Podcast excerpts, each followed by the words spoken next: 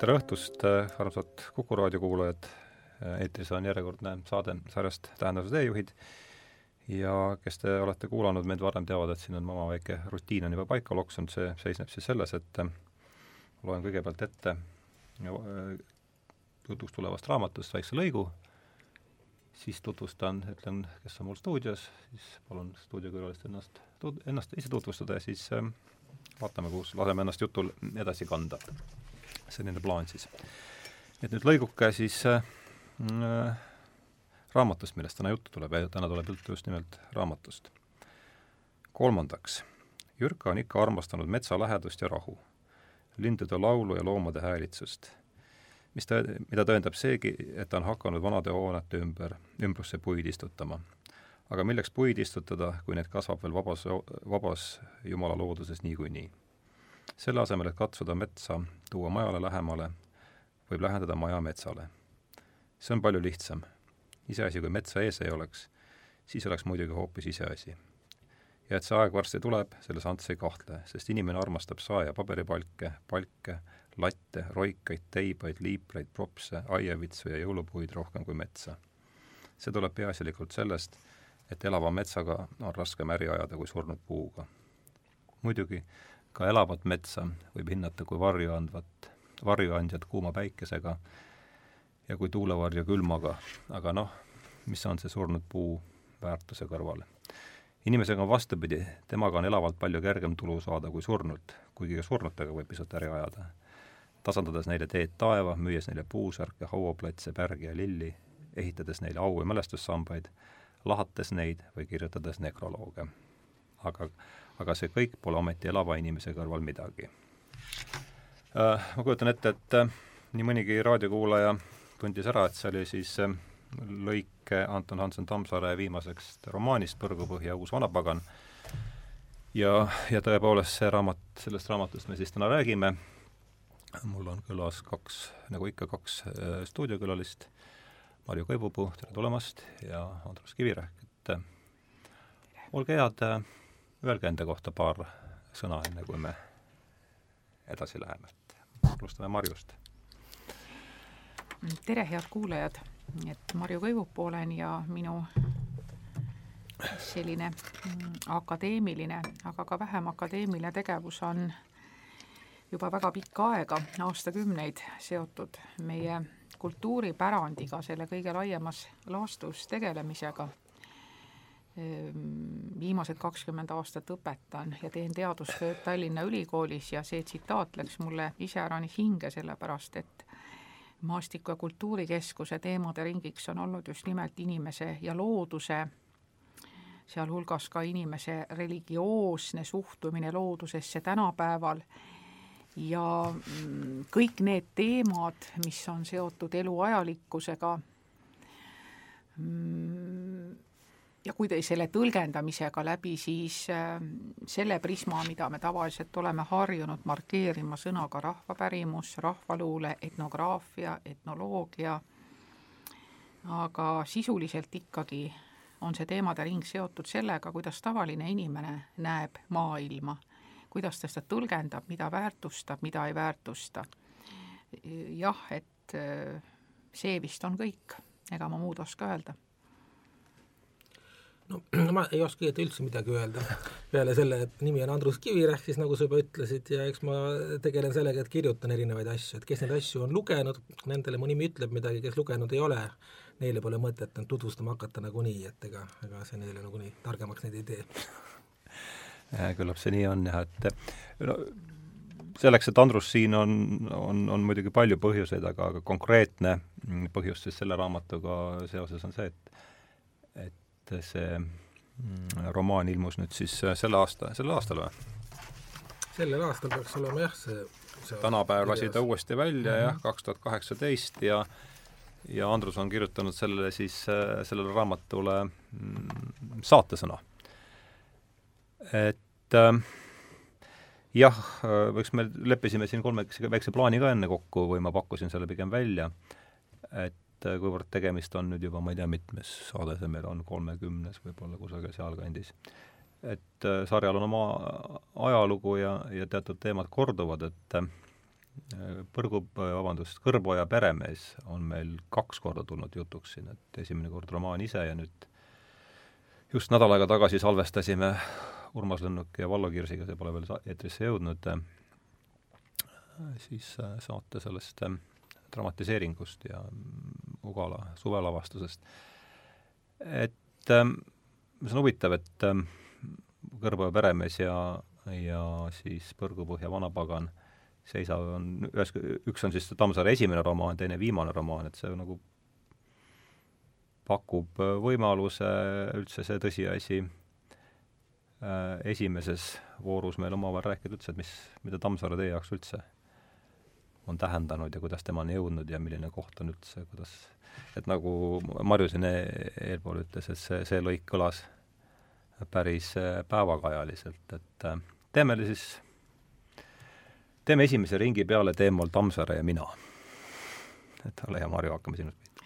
no kui jutuks tuli mm, Kõrboja peremees, siis mm, mina kirjutasin oma toonase keskkooli lõpukirjandi sellel teemal. Kõrboja peremehe? Kõrboja peremehest ja just nimelt ja e, ma olen selline mm, niisugune, kuidas öeldakse, väike vanainimene tollel ajal ehk palju rohkem ja minu jaoks oli tema see sõnum või mis mind kõnetas, oli just nimelt see, missugused on läbi aegade tegelikult olnud naise valikud ja miks ta just nimelt teinekord teeb ka iseenda elu vaatekohast suhteliselt raskemad valikud, mida Kõrba-Janna ju tegelikult tegi ja teisalt äh, selle vastu nagu ka mees, kes ähm, elab mõnes mõttes oma elu keeruliseks ja seal kolmas mõõde oli minu jaoks veel, on see, et kui sa oled oma külakogukonnas natukene teistsugusem või mõne koha pealt teravam pliiats, noh meenutagem seda, et et mees, kes valis siis surma, siis ta ei tundnud ennast erinevatel põhjustel. Ilmselt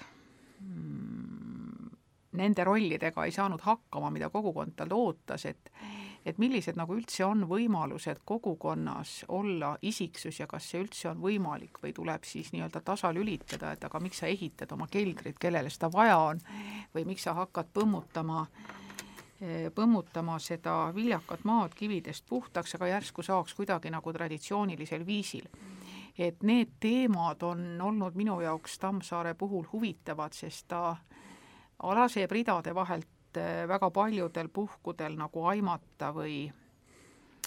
või kirjutab selliseid, mm, sellistest teemadest mis panevad inimest kriitiliselt iseennast või ajastult kõrvalt vaatama ja just nimelt see nagu see valikute küsimus, et et mis hetkel sa julged teha valikuid ja mis hetkel sa ei julge ja kuidas sa nende valikutega toime tuled. Ja seal kaasa arvatud siis ka see teema, mis on ju ka kirjanduses ja kultuuris on minu arvates läbi aegade väga aktuaalne, on see vabasurma, vabasurma teema ja ka see mehe täisväärtuslikkuse teema, et et, et, et kes siis, missugune mees siis üldse on see mees, keda ühiskond aktsepteerib ja kuidas, nii et et, et sealt tulevad, sealt siis edasi tulevad ka kõik muud ja muidugi iseenesest on huvitav olnud ka see, kuidas noh, Nõukogude ajal on Tammsaaret tõlgendatud ja ka seda teist romaani, mida me siin kohe vaatame, noh, ma mäletan, ma olen nii vana inimene, et ma mäletan ka seda, seda esimest Põrgupõhja filmi, mis teles oli, et sellele hiljem tuli Vanemuise lavastus ja selle põhjal tehtud film. et see on see, ega peale selle seitsmekümne üheksanda aasta filmi vist ju rohkem, see on see ainus film, eks ole?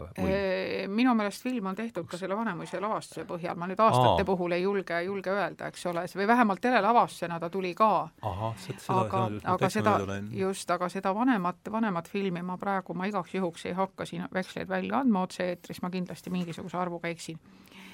et Ehm, et see oli noh, jah, et, et taaskord, eks ole, seesama teema ja ütleks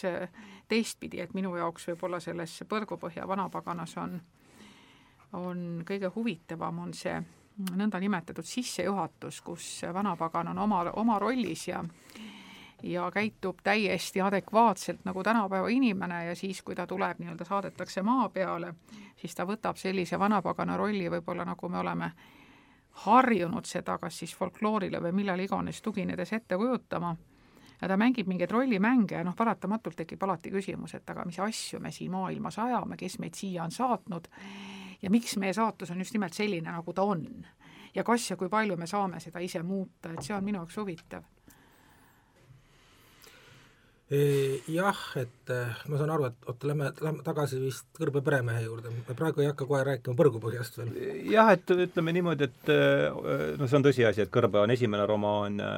sinu pool küsiks siis võib-olla, formuleeriks selle küsimuse ümber, et üks niisugune kliš-, klišeelik väljend on see, et iga kirjanik eh, kirjutab kogu aeg ühte raamatut, et noh, sa oled meist siin ainuke kirjanik, et kas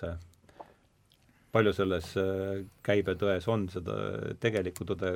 omaenda kogemusest võtta ja, ja palju sa paned seda Tammsaare puhul, küsi-, ma sõnastaks selle küsimuse võib-olla niimoodi väga konkreetsem. eks see ongi, noh, selles mõttes on ta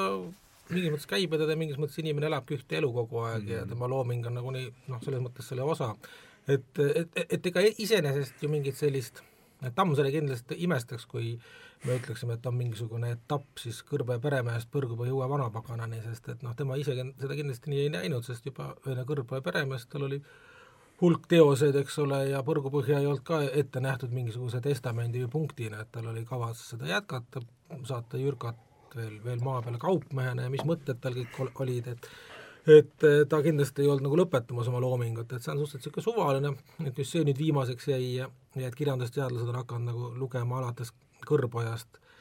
eh, noh, seda Tammsaare loomingu kõrgperioodi, et, et see, see, see tuletab meelde mulle, kunagi keegi seletas, et mingeid tähtkujusid taevas ei ole olemas, ei mingit suurt vankrit ega väikest vankrit, et need on lihtsalt täiesti suvalised tähed, mille vahele inimesed on nii-öelda tõmmanud kujuteldavad kriipsud ja tekitanud neist mingisugused,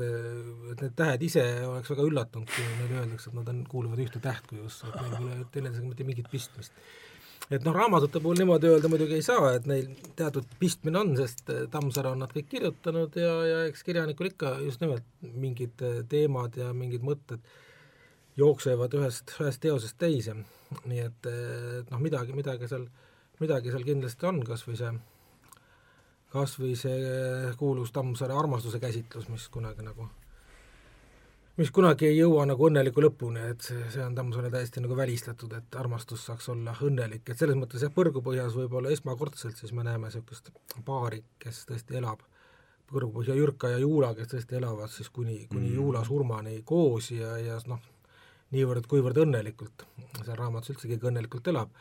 aga, aga noh, ikkagi, ikkagi nagu koos ja, ja teineteise mõistmises, et see on, see on suhteliselt harukordne, et äh, ei Vargamäel ega, ega, ega noh, ka Kõrbojas, eks ole, aga ega Tammsaare teistes, teistes teostes, et, et midagi sellist, sellist ei ole, et, et, et ilmselt siis vanamees hakkas leebuma mingis, mingil hetkel selle armastuse teema, teema ümber ka enne surma. Aga, aga kui sa enne jah küsisid, et, et mina ja Tammsaare, et noh, mulle on ta jah, alati hästi väga oluline tegelane olnud, oluline kirjanik ja ja noh, eks ta ongi selline, ma käin koolides sageli ja, ja siis ikka küsitakse, et millised kirjanikud on olulised Eestis ja siis ma ikka alati räägin neile Tammsaarest, räägin Lutsust ka ja, ja noh, seletan neile, et see on umbes nagu matemaatikas on korrutustabel, eks ole, et sulle võib ju see mitte eriti huvitav olla, aga kui sa korrutustabelit selgeks ei õpi, siis on hiljem väga keeruline teha ülejäänud tehteid matemaatikas, et see on ka kirjanduses nii, et kui on Tammsaare ja Luts absoluutselt tundmatud, siis sa ei saa ka sellest kirjandusest aru, mis, mis kirjutati pärast neid autoreid, eks ole, et, et ikkagi on väga palju laenatud, tsiteeritud, noh, mida, midagi kopeeritud nende, nendelt kahelt, kahelt suurelt ja noh, hetkel me räägime Tammsaarest, et ta on, on jah, selline nii-öelda alus, aluspinnas, kust väga palju võrsub ja teda, teda nagu on, on tähtis tunda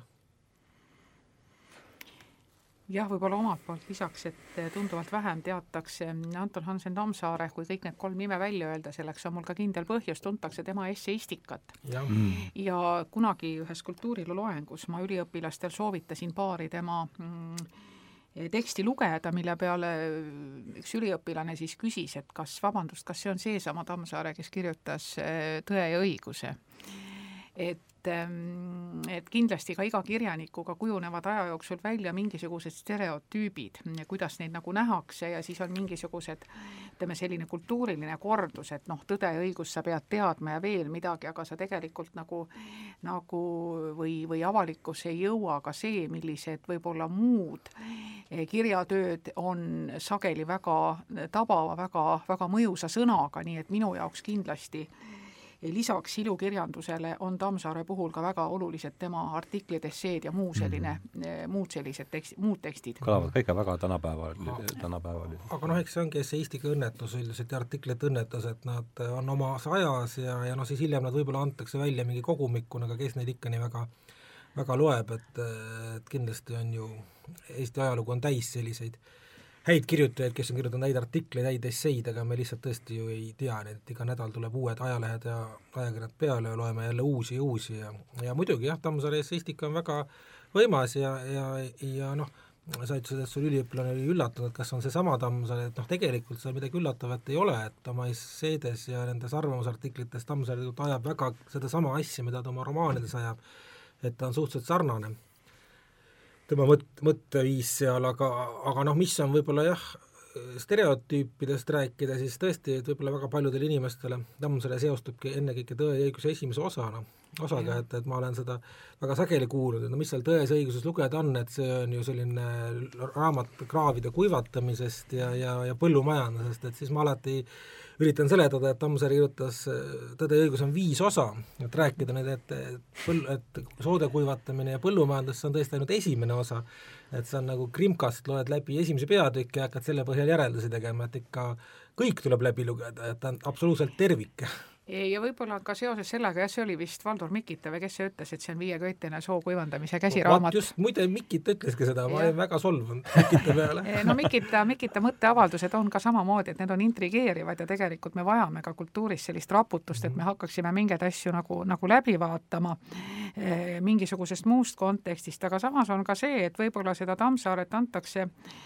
tänapäeva koolides või õpilastele eh, lugeda natuke liiga vara ja võib-olla hakatakse ühesõnaga sisendama neile juba selliseid tekste, millest nad aru ei saa, sellepärast et olgem ausad, eh, ka tuhande üheksasaja kuuekümnendad, seitsmekümnendad jäävad tänastele noortele juba sama kaugeks, eh, kui on see Tammsaare maailm see nii-öelda aegruum, kuhu sisenemiseks tuleb ikkagi väga palju teha nii-öelda kultuuritõlget mm. -hmm. ma kunagi nöökisin ühte kolleegi, noh, minu naljad vahel on niisugused, et, et ütleme, et ei pruugi olla alati kõige õnnestumad, aga tuli just jutuks kogu see Tammsaare see tõe õiguse see sigade teema, et noh, et umbes, et näed, et porised ja jubedad loomad ja tuleb kõik ette ehitada. ja ma ütlesin, et anna andeks, eks ole, et aga Eesti valge lont, kõrvaline maatõugu siga, et, et noh, sellel ajal nagu UV kaitsekreemi polnud välja mõeldud, et ta peab pöördama, et tal muidu lihtsalt kuivab nahk lõhki ja ta põletab ennast päikse käes ära ja, ja noor kolleeg vaatas ja ütles, et ma teen tema arvel rumalat nalja, noh, maalaps nagu ma olen. et, et ühesõnaga, tegelikult sellest, et sellest filosoofiast aru saada, sa pead tajuma, mis ajas see on, aga see aeg jääb juba kohutavalt kaugele, et kui me võtame kogu selle memuaristikaga seonduva Eesti vanema kirjanduse, millest me räägime kui klassikast -hmm. siis see elulaad on tänapäeva noorte jaoks juba rohkem kui museoloogiline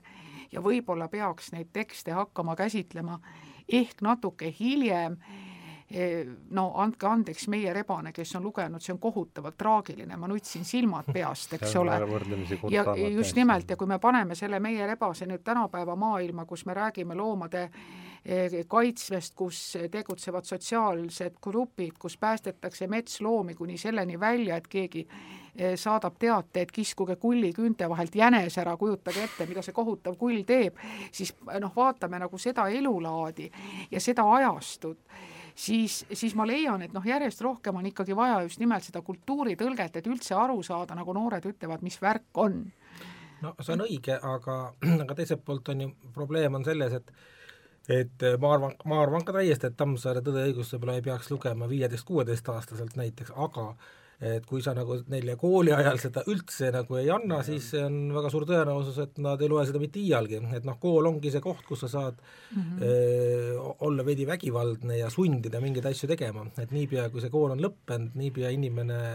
teeb kõike juba oma peaga ja, ja noh, see, see ei ole mitte ainult ju Tammsaare probleem, eks ole, et et keskkoolis loetakse ka näiteks Dostojevskit, mis on ka ilmselgelt võib-olla vara mm -hmm. keskkooliõpilasele, et Dostojevski ei kirjutanud ju neid romaane ka ise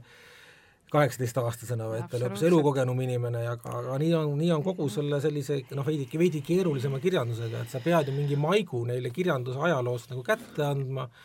ja no ideaalne oleks muidugi see, et ta natukene nuusutab seda keskkoolis ja hiljem loeb uuesti üle, aga kas ta seda teeb? no minu sõnad sinna ju, või tähendab, minu mõte on täpselt sama, et maitse peab kätte saama, aga ma nagu tahtsin rõhuda rohkem sellele, et et võib-olla me peaksime nende teoste puhul just mõtlema ka selleks, et me avame nagu, püüame avada seda kultuuri konteksti või aega, millal need see teosed sündisid. kirjandusõpetaja ülesanne. no kindlasti, et, et me ei võta lihtsalt niimoodi, et sa pead läbi lugema, sest noh, mul on omal lapsevanemana olen tajunud, et, et tuleb, noh, ma olen kodus ja seletanud sageli just seda konteksti lahti, kaasa arvatud oma laste sõpradele, kes nagu, kellel nagu jääb see puude, et sa lihtsalt võtad selle teksti ja loed läbi, aga kui sa ei ava seda teksti, neid olusid, et siis ta jääb lihtsalt natukene võib-olla selliseks formaalsuseks. Ja kui ta jääb formaalsuseks, siis ma kahtlen, kas ta pöördub, aga kui ta jääb niimoodi, et tekib huvi, et ahaa, et võib-olla hiljem vanemana ja noh, tegelikult me oleme lugenud neid kõiki asju hiljem üle ja ka Tammsaaret korduvalt üle lugedes erinevatel eluperioodidel eh, sa avastad sealt hoopis midagi muud, millele sa kunagi varem nagu ei pööranud tähelepanu ja võib-olla see ongi -hmm. see klassika, et nii nagu hea multifilm või hea lastesaade, et ta kõnetab nii väikest last kui väga erinevas vanuses täiskasvanud, no nii on ka Tammsaarega, et, et, et iga, et mingisuguses eas sa avastad sealt hoopis midagi muud. et ma kindlasti ei näe Kõrboja peremehes praegu äh, võib-olla niivõrd enam seda, kuivõrd ma nägin, eks ole, niisuguse noore tüdrukuna, kelle jaoks noh, ütleme siis pateetiliselt väljenduses tegelikult kogu see naise elu, tööelu, kõik oli veel ees. aga miski pidi seal olema mm, -hmm. noh, miski, mis, mis nagu haakis mõttega või ma tundsin, et ma tahan nagu sellel teemal kirjutada. jah, ja võib-olla ma ütleks veel kooliõppe, õpetajatele nii-öelda äh, hea nõuandena, et võib-olla näiteks just nimelt Tõde ja õigust, mis on tõesti tohutu mahukas romaan, et võib-olla seda maksaks siiski käsitleda tõesti tervikuna, et mitte tegeleda ainult esimese osana, mis tõesti jätab mulje, et ta ongi selline sigade karjatamise ja soo kuivendamise lugu, et tegelikult ta on ju tervik, ta algab sellega, et kaks inimest tulevad Vargamäele lõpeb viienda osa lõpus sellega, et kaks inimest lahkuvad Vargamäelt, et see on absoluutselt suur noh,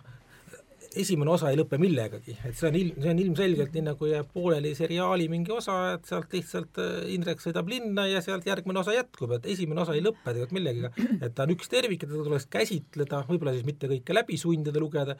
aga lihtsalt käsitleda, et inimesed saaks aru, et see algab siit enamus tegevusest toimub linnas üldse ja siis lõpus läheb tegevus maale tagasi, et jah. Nojah, kuni selleni välja, et me tegelikult ju tsiteerime, see on hästi tüüpiline, et tee tööd ja näed vaeva, siis tuleb armastus, mis on saanud selliseks sloganiks, aga ma julgen öelda, et kes seda väidavad, ei ole ju Tammsaaret lugenud, sellepärast et see lõik, nagu me kõik hästi teame, läheb edasi, aga armastust Vargamäele ju ei tulnud. et, et sellisel juhul on ta täpselt niimoodi nagu mingisugune intervjuu või midagi, kui sa annad või mhm. suhtled, eks ole, ajakirjanikuga, ta rebib sult välja mingisuguse tsitaadi ja see hakkab elama oma elu, aga see kontekst, mis ma sellele tsitaadile andsin, see jäetakse välja. ja, ja selle nii-öelda lause lõpetatuse pealt minu arvates saaks Tammsaare filosoofiat kordades paremini avada. nojah, tema skeptitsism ja kõik see paradokside värgid, muide, mul on see, mul on üks näitemäng äh, Vaimude tund Koidula tänavas, mida mängitakse siis, mängiti algul Tammsaare Majamuuseumis, nüüd enamasti Draamateatri maalisaalis, kus tegelasteks on Tammsaare ja Mati Unt, nende vaimud kes kohtuvad Koidula tänaval, ka Mati Unt elas Koidula tänaval, nii et nad seal kohtuvad ja siis seal põhiline, millega Mati Undi vaim Tammsaaret kiusab, on see, et ta üritab kogu aeg tsiteerida seda Tee tööd näeb vaeva, siis tuleb ka armastus ja Tammsaare kohutavalt vihastab iga kord, kui seda tsiteeritakse, ta ütleb, et see on kõige kohutavam tsitaat ja inimesed, kes seda tsiteerivad, need ei tea Tammsaarest midagi, ta tahab iga kord Undile praktiliselt kallale minna, kui Unt jälle sellega välja tuleb. aga Unt muidugi mõnuga kordab ja kordab seda aga räägib, räägi, räägi, ütleme selle tänase teemale lähemale minnes, et räägikski, sest mida see Tammsaare filosoofia siis endast äh, kujutab, et mulle meeldis see Andruse kujund, mis ta siit äh, vestluse alguses välja tõi, et see on nagu korrutustabel. et äh, küll selles, see oli küll selles tähenduses, et, et kui me korrutustabelit ei, ei oska, et siis me ei saa sellest hilisemast kirjandusest aru, aga aga eks ju Tammsaare ka korrutab pidev, no seesama küsimus, et ta kirjutab ühte raamatut, et ta korrutab äh, pidevalt mingeid asju, armastusest oli meil siin juba juttu ja ja see on tõepoolest, mul tundub ka õige, mis, millele Andrus tähelepanu juhtis, et et nii palju, kui seda õnnelikku armastust Tammsaarele üldse on, et võib-olla see ongi Jürka ja Juula vahel üldse, eks. aga et mis on siis need, räägime siis äh, teise ringiga Tammsaare, kui see mõiste juba sisse tuli, mis on Tammsaare filosoofia? See on hirmus lai mõiste, et võtame, võtame siis läbi selle, et sihikut natuke koomale tõmmata, võtame ta läbi põrgupõhja. stopp ja nüüd ma köhin. nüüd köhi. köhi, köhi. nii nii jätkame. et eh, jah, et kui ma ütlesin Tammsaarega korrutustabel, siis eh, noh, teine, teine võrdlus, mille võiks tuua, on Tammsaare kui piibel või pühakiri, kus võib leida iga asja kohta tsitaadid ja need käivad teineteisele vastu ja Tammsaare tegelased ju vahet pidamata räägivad, need tegelased peavad monoloogi ja igaühel neist on väga kummalised arusaamad maailma asjadest ja mis on nüüd täpselt see Tammsaare enda filosoofia, seda on väga raske leida sealt täpselt nii üles. aga proovime aga proovime minu arvates on, või vähemalt minu jaoks on Tammsaare see kirjanik, kes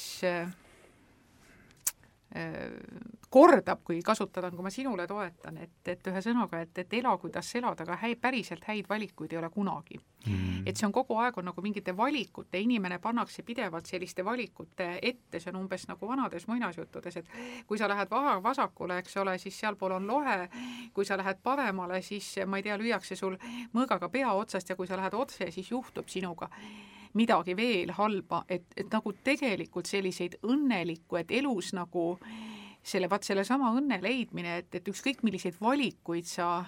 ka ei teeks, et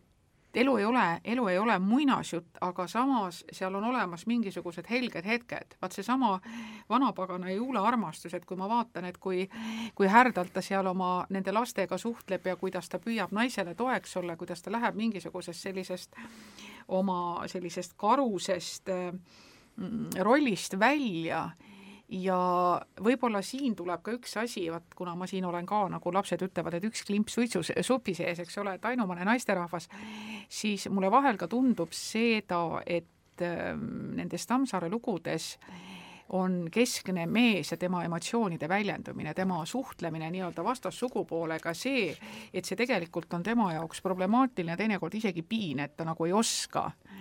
Ta ei oska ennast väljendada ja sealt omakorda siis ühesõnaga hargnevad väga erinevad eh, väga erinevad intriigid, olgu selleks kas või ütleme, Indreku ja tema ema Mari suhe, eks ole, ema ja poja armastus, mehe ja naise armastus, kas see üldse on võimalik, laste ja vanemate armastus ja, ja see armastuse teema väga mitmel tasandil ja just nimelt sellise meesterahva vaatekohast et, et see on meesterahva jaoks, armastus on väga, väga keeruline, et mitte öelda paiguti suisa üle jõu käiv teema. Armastus on äh, Tammsaarel olemas, olemas ju küll, aga see armastus on alati õnnetu. et kui me nüüd põrgupõhja kõrvale jätame, mis võib-olla on jah, natuke erandlikum, et siis alates ju kõrgpojast kõik äh, need suured armastused lõpevad ju alati surmaga, et armastus paratamatult, mida suurem ta on, seda kiiremini viib surmani, et see on äh, see on tões ja õiguses, Indrekul on peaaegu igas, igas osas mõni suur armastus, mis lõpeb surmaga, seal surevad Ramilda ja sureb mm. Kristi ja sureb Kristi oli see kolmanda kolmand-, kolmandas osas ja. sureb Karin neljandas osas, ka ju väga, väga kirglik armastus, armastuslugu. E, siis on, eks ole, ma armastasin sakslast ei vii ka see armastus mujale kui, kui surma ja ja elu ja armastus äh, kõrvas niikuinii. jah, ja, ja, ja, ja noh, selles mõttes, et et ja kui, kui armastus äh, ei vii surma, vaid äh, lõpeb abieluga, et siis, siis, siis lõpeb, siis saab jälle armastus surma, et abielu ja armastus on täielikud vastandid Tammsaarele, et need mitte mingil tingimusel nagu ei, ei saa kohtuda. ja lõpuks, eks ole, ega siis vanapagan saadab ju ka Juula nii, nii-öelda põrgusse, eks ole, kui ta leiab, leiab naise tegelikult, kes rohkem võib-olla võib-olla talle sobib. jah, või, või siis ka veel üks niisugune suur armastusliin on ju tões õiguses Pearu ja Krõõt, mis mm -hmm. ka mhm. mitte kuhugi välja ei vii tegelikult, ainult sinna, et Krõõt sureb ja Pearu eh, saab talle siis äh, seda teed tasandada, eh, kui puusvärk sõidab kalmistule. et Andrese, Andrese Krõõda, Andrese Mari suhe, need kumbki ei ole need sellised kirglikud armastused, et Andrese armastus on hoopis kuskil mujal, tema armastus kuskil põldudel, mida ta künnab ja külvab ja, ja kraavitab, et mm, -hmm. et seal nagu sellist mehe ja naise vahelist armastust sealt nagu otseselt leida ei ole nojah, ja siis võib minna ajaloos tagasi, eks ole, kaugele, kaugele ütleme siis varauusaega või keskaega, kus armastust ongi diagnoositud kui haigust, mis tuleb välja ravida ja mida ei olegi inimese elus nii-öelda ette näha, et, et kõiki asju tuleb võtta, võtta mõistuspäraselt ja seda ja see, see selline kas just konflikt, aga vaieldamatult noh, võtame siin veel Juudit ja võtame kõik mm., eks ole, noh, kui palju neid näiteid võib tuua läbivalt väga erinevaid, kus tõepoolest ühesõnaga see on nii-öelda just nimelt see konflikt elu ja armastuse vahel no, kas just. elus on armastust. et minu arvates elu ja armastus võtab filosoofiliselt kõige paremini kokku kogu selle eh, Tammsaare, ütleme siis, korrutustabeli. jah, sellega ma ka just tegelesin, sest ma dramatiseerisin Pärnu teatrile elu, elu ja armastust, et oli just vähem kui kuu aega tagasi oli esietendus Pärnu teatris ja ja siis ma sellega tegelesin ja seal on jah, ikkagi Tammsaare väga selgelt annab mõista, et kui on ikkagi suur armastus, siis elu sinna kõrvale ei mahu, et kui elu hakkab kõrvale tulema, siis kumb jääb kaotajaks, et kas kaob armastus või siis tuleb loobuda elust, et, et, et need nagu ei ole nagu äh, noh, ei saa nii, et inimene elab niisugust argielu ja samas on tal veel suur armastus, et armastus ongi selline kauge, ilus ja kõige rohkem, Tammsaare arvab, et kõige rohkem saab armastada neid, kes on juba surnud et see on veel kõige ilusam armastus, et sa nagu mõtled sellele, kes on kunagi olnud su kõrval, armastad teda niimoodi tagantjärgi ja vaat siis tõesti ei sega mitte miski, sest et see armastatu ise ka ei tule sulle liiga ligidale ega, ega hakka, hakka segama. ega sega sinu saad neid jooni tõmmata nagu sinna tähtede vahele. no põhimõtteliselt, et armastus nagu vaakumis, eks ole. ei, ei, ei sega sinu igapäevast tööd ja karjääri. just, eks ole, ta ei ütle sulle midagi ootamatut, eks ole, nii nagu Indreku ja Karini vahel, et Karin jookseb vahel tuppa ja, ja mm -hmm. ütleb midagi ja tahab Indrekult midagi, et Indrek eelistaks istuda oma kabinetis üksinda ja mõelda, kuidas ta Karinit armastab, aga Karinit näha ta üldse ei tahagi ja samas, eks ole, on alati ju see hirm ikka armastusega, et, et sa saad haavatud, et, et sa saad ise esimesena hukka selle kõige käigus. no üks mõiste, mis meil siit läbi käis, mille ma siin üles kirjutasin ja, või mis mõiste, nähtus või ja mis ju seob ka seda esimest ja viimast romaani, on vaba, vabasurm, et selgelt Katku Villu läheb vabasurma ja no ma ei tea, Jürka ka ikkagi minu arvates võib seda niimoodi, niimoodi noh, Jürka, Jürka puhul on Jürka puhul vähe nagu keerulisem, aga jah, raske öelda, kas ta üldse on võimeline surema. või kui ta, kui ta on vanapagan, siis mis, mis see tema surm üldse tähendab või, või see, või, või mida tähendab näiteks see Juula surm seal, kes lihtsalt ju nii-öelda noh, seal ei ole seda traagikat no Juula on ju ikka, Juula on ju ikkagi tähendab, vabandust, Juula küll, Juula surma muidugi kurb, ma mõtlen, ma mõtlesin jah. et nende põrguliste surm on niisugune noh, lihtsalt nagu tagasiminek algolekusse võib-olla. aga põhimõtteliselt noh, vaba surm on jah, eks see seostubki jällegi selle armastusega, et tõesti see, ma armastasin sakslast tõenäoliselt ju lõpeb Oskar enesetapuga, seda küll otseselt ei öelda seal ja ja Tões õiguses Juss poob end üles ja ja siis see Irma elus armastuses üritab ennast tappa, tal ei õnnestu küll, jääb ellu, aga, aga siis sees tapetakse, siis mõrvatakse Rudolf hoopis. nii et jah, see surm käib kogu aeg, armastus ja surm, surm ja armastus, et need on need kaks asja, millega Tammsaare kõige kirglikumalt tegeleb et hoiavad, hoiavad üksteisel kõvasti käest kinni ja lahti ei lase ja, ja seesama vabasurma mineku filosoofia jälle on seesama noh, nagu ikkagi minu jaoks on ta nagu valikute küsimus, et eh, mis hetkel nagu, nagu inimene teeb selle valiku, kas siis, kui ta nagu ei suuda suuda neid rolle täita, mida temalt oodatakse, noh, ütleme näiteks kõrbojas mm -hmm. inimene tunneb või siis teine võimalus on see, et ta ei, ei suuda mingite teadmistega või kogemustega, mis tema elus on olnud, et ta ei suuda, suuda edasi elada et need on, need on väga ja väga filosoofilised, seda enam, et see puudutab ka religiooni, et noh, me teame, et üldiselt kristlikus äh, kultuuriruumis, kui inimene ei ole endale elu andnud, et siis, kui ta ise võtab endalt elu, seda peetakse patuks. et siin tuleb ka see religioossuse kui varjatud mõõde, kuigi Tammsaare sellest ju otsesõnu ei, ei räägi noh, Tammsaare on muidugi väga religioosne kirjanik, selles mõttes, et ta küll ei ole usklik, aga, aga, aga kõik tema noh, mis see tõe õiguse alguski muud on, et mees ja naine tulevad, eks, ei tea kust, eks ole. paradiisist välja no, ilmselt paradiisist ja. välja toodud Aadam ja Eva, sest ega me ei saa ju teada mitte midagi, kust Andres pärit on, kes on Andrese vanemad. et Krõõdast me nii palju kuuleme, et ema on andnud talle kaasa ühe lehma, nii palju mm, -hmm. nii palju, aga otseselt ju me ei saa nende vanematest, õdedest, vendadest, nad ei tule iial, iial hiljem teksti sisse, krõõdamatustele nad ei tule, eks ole. mis no. ju ta külaühiskonnas on mm., eks ole, ja meie tavatu ja samas mingeid suhteid ei ole et see tõepoolest on noh, enam-vähem sama, nagu põrgu põhjale tuleb mm -hmm. Jürka oma lisetega teab ja, kust. aga nemad tulevadki põrgust, nagu me, nagu me teame põhimõtteliselt no,. vähemalt nad väidavad seda no, jah. noh, nad väidavad nad seda. väidavad jah. seda ja nad täidavad oma rolli, aga samas on ikkagi see, et et keegi nagu tuleb, tuleb nagu üldjuhul kusagilt, et me väga vähestel mm -hmm noh, nagu teoste puhul ka ju tegelikult me teame üsna vähe, mida me teame tegelikult Oscarist, eks ole, kes on lihtsalt üks äh, ütleme siis kompleksides eh, mees, kes ei saa hakkama sellega, et ta suhtleb tolles ajas sotsiaalselt nii-öelda kõrgemal positsioonil oleva naisterahvaga või võtame sellesama eh, võtame selle saja kõrboja teema, kus samamoodi tegelikult mees ei saa hakkama valikutega, et ühesõnaga, et üks on ühega on tal laps, aga teine on naine, kellega mhm. ta hea meelega tahaks, tahaks koos võib-olla elada, ta näeb oma eluvõimalust, aga samas ta tajub, et tema füüsiliselt enam ei sobi sellesse rolli. Et, et siin on jälle hästi palju neid kihte, eks ole. et me korraga üheski elus ei puutu nende kõigiga korraga kokku, aga need on teemad, mis meie ühiskonnas kedagi meist puudutavad või vähemalt me teame, et, et kedagi on kunagi puudutanud. aga ma haaraks nüüd järsku sellest ähm niidi ju otsast kinni, mille Andrus siin äsja just ähm, viskas välja, et äh, Tammsaare kui väga religioosne kirjanik, et ma olen ka äh, väga seda meelt, et seda tõepoolest on, et ta jutustab ikkagi mingeid põhimüüte selles kohaliku, nendes oludes, kus ta oli, et ma arvan, mida suured kirjanikud ka tõenäoliselt kõik, kõik teevad, eks. et ähm, järsku lähekski siit siis edasi järgmise teemaga, et äh, ma loen siit Andruse saatesõnast ühe lõigu ette ja, ja hakkame siit siis äh, siit pihta. Vaatame, kuhu see teema või hoovus meid kannab. seega, raamatu peategelane on vanapagan. mis isevärk elukas see siis selline on? kurat, teatud mõttes jah. või vähemalt on temas aimata kuradi geene. Eesti rahvaosundi vanapaganat süüdimatut loodushiidu on poogitud kristliku saatanaga ning tulemuseks on saadud suur segavereline krants, nagu ikka pärast kahe tõu segamist ühelt poolt kõneleb Jürka vahetpidamata põrgust, sealt oma sõnade järgi tuleb ja sinna on tal plaan naasta pärast õndsaks saamist.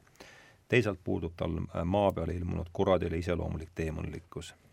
Jürka ei sarnane põrmugi Goethe, Mephistophelese või Bulgakov või Volandiga, Volandiga. Need on ehtsad saksa kuradid, ka Voland tunnistab ju pärast üürikest järelemõtlemist, et ta on vist tõesti sakslane. Jürka on aga olemuselt tavaline maavillane Eesti sarvik et äh, mina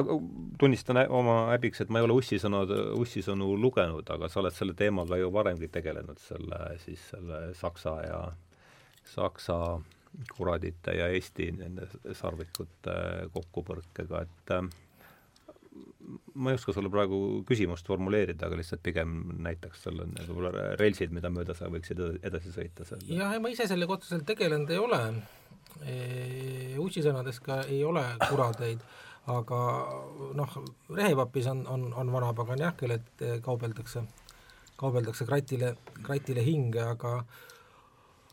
aga jah, et mulle ta, mulle tundus küll seda lugedes, et ta on selline huvitav tegelane, see Jürka, et ta on ühelt poolt jah, see nagu, nagu ka sina ütlesid, et ta tuleb maa peale ja käitub sellise Eesti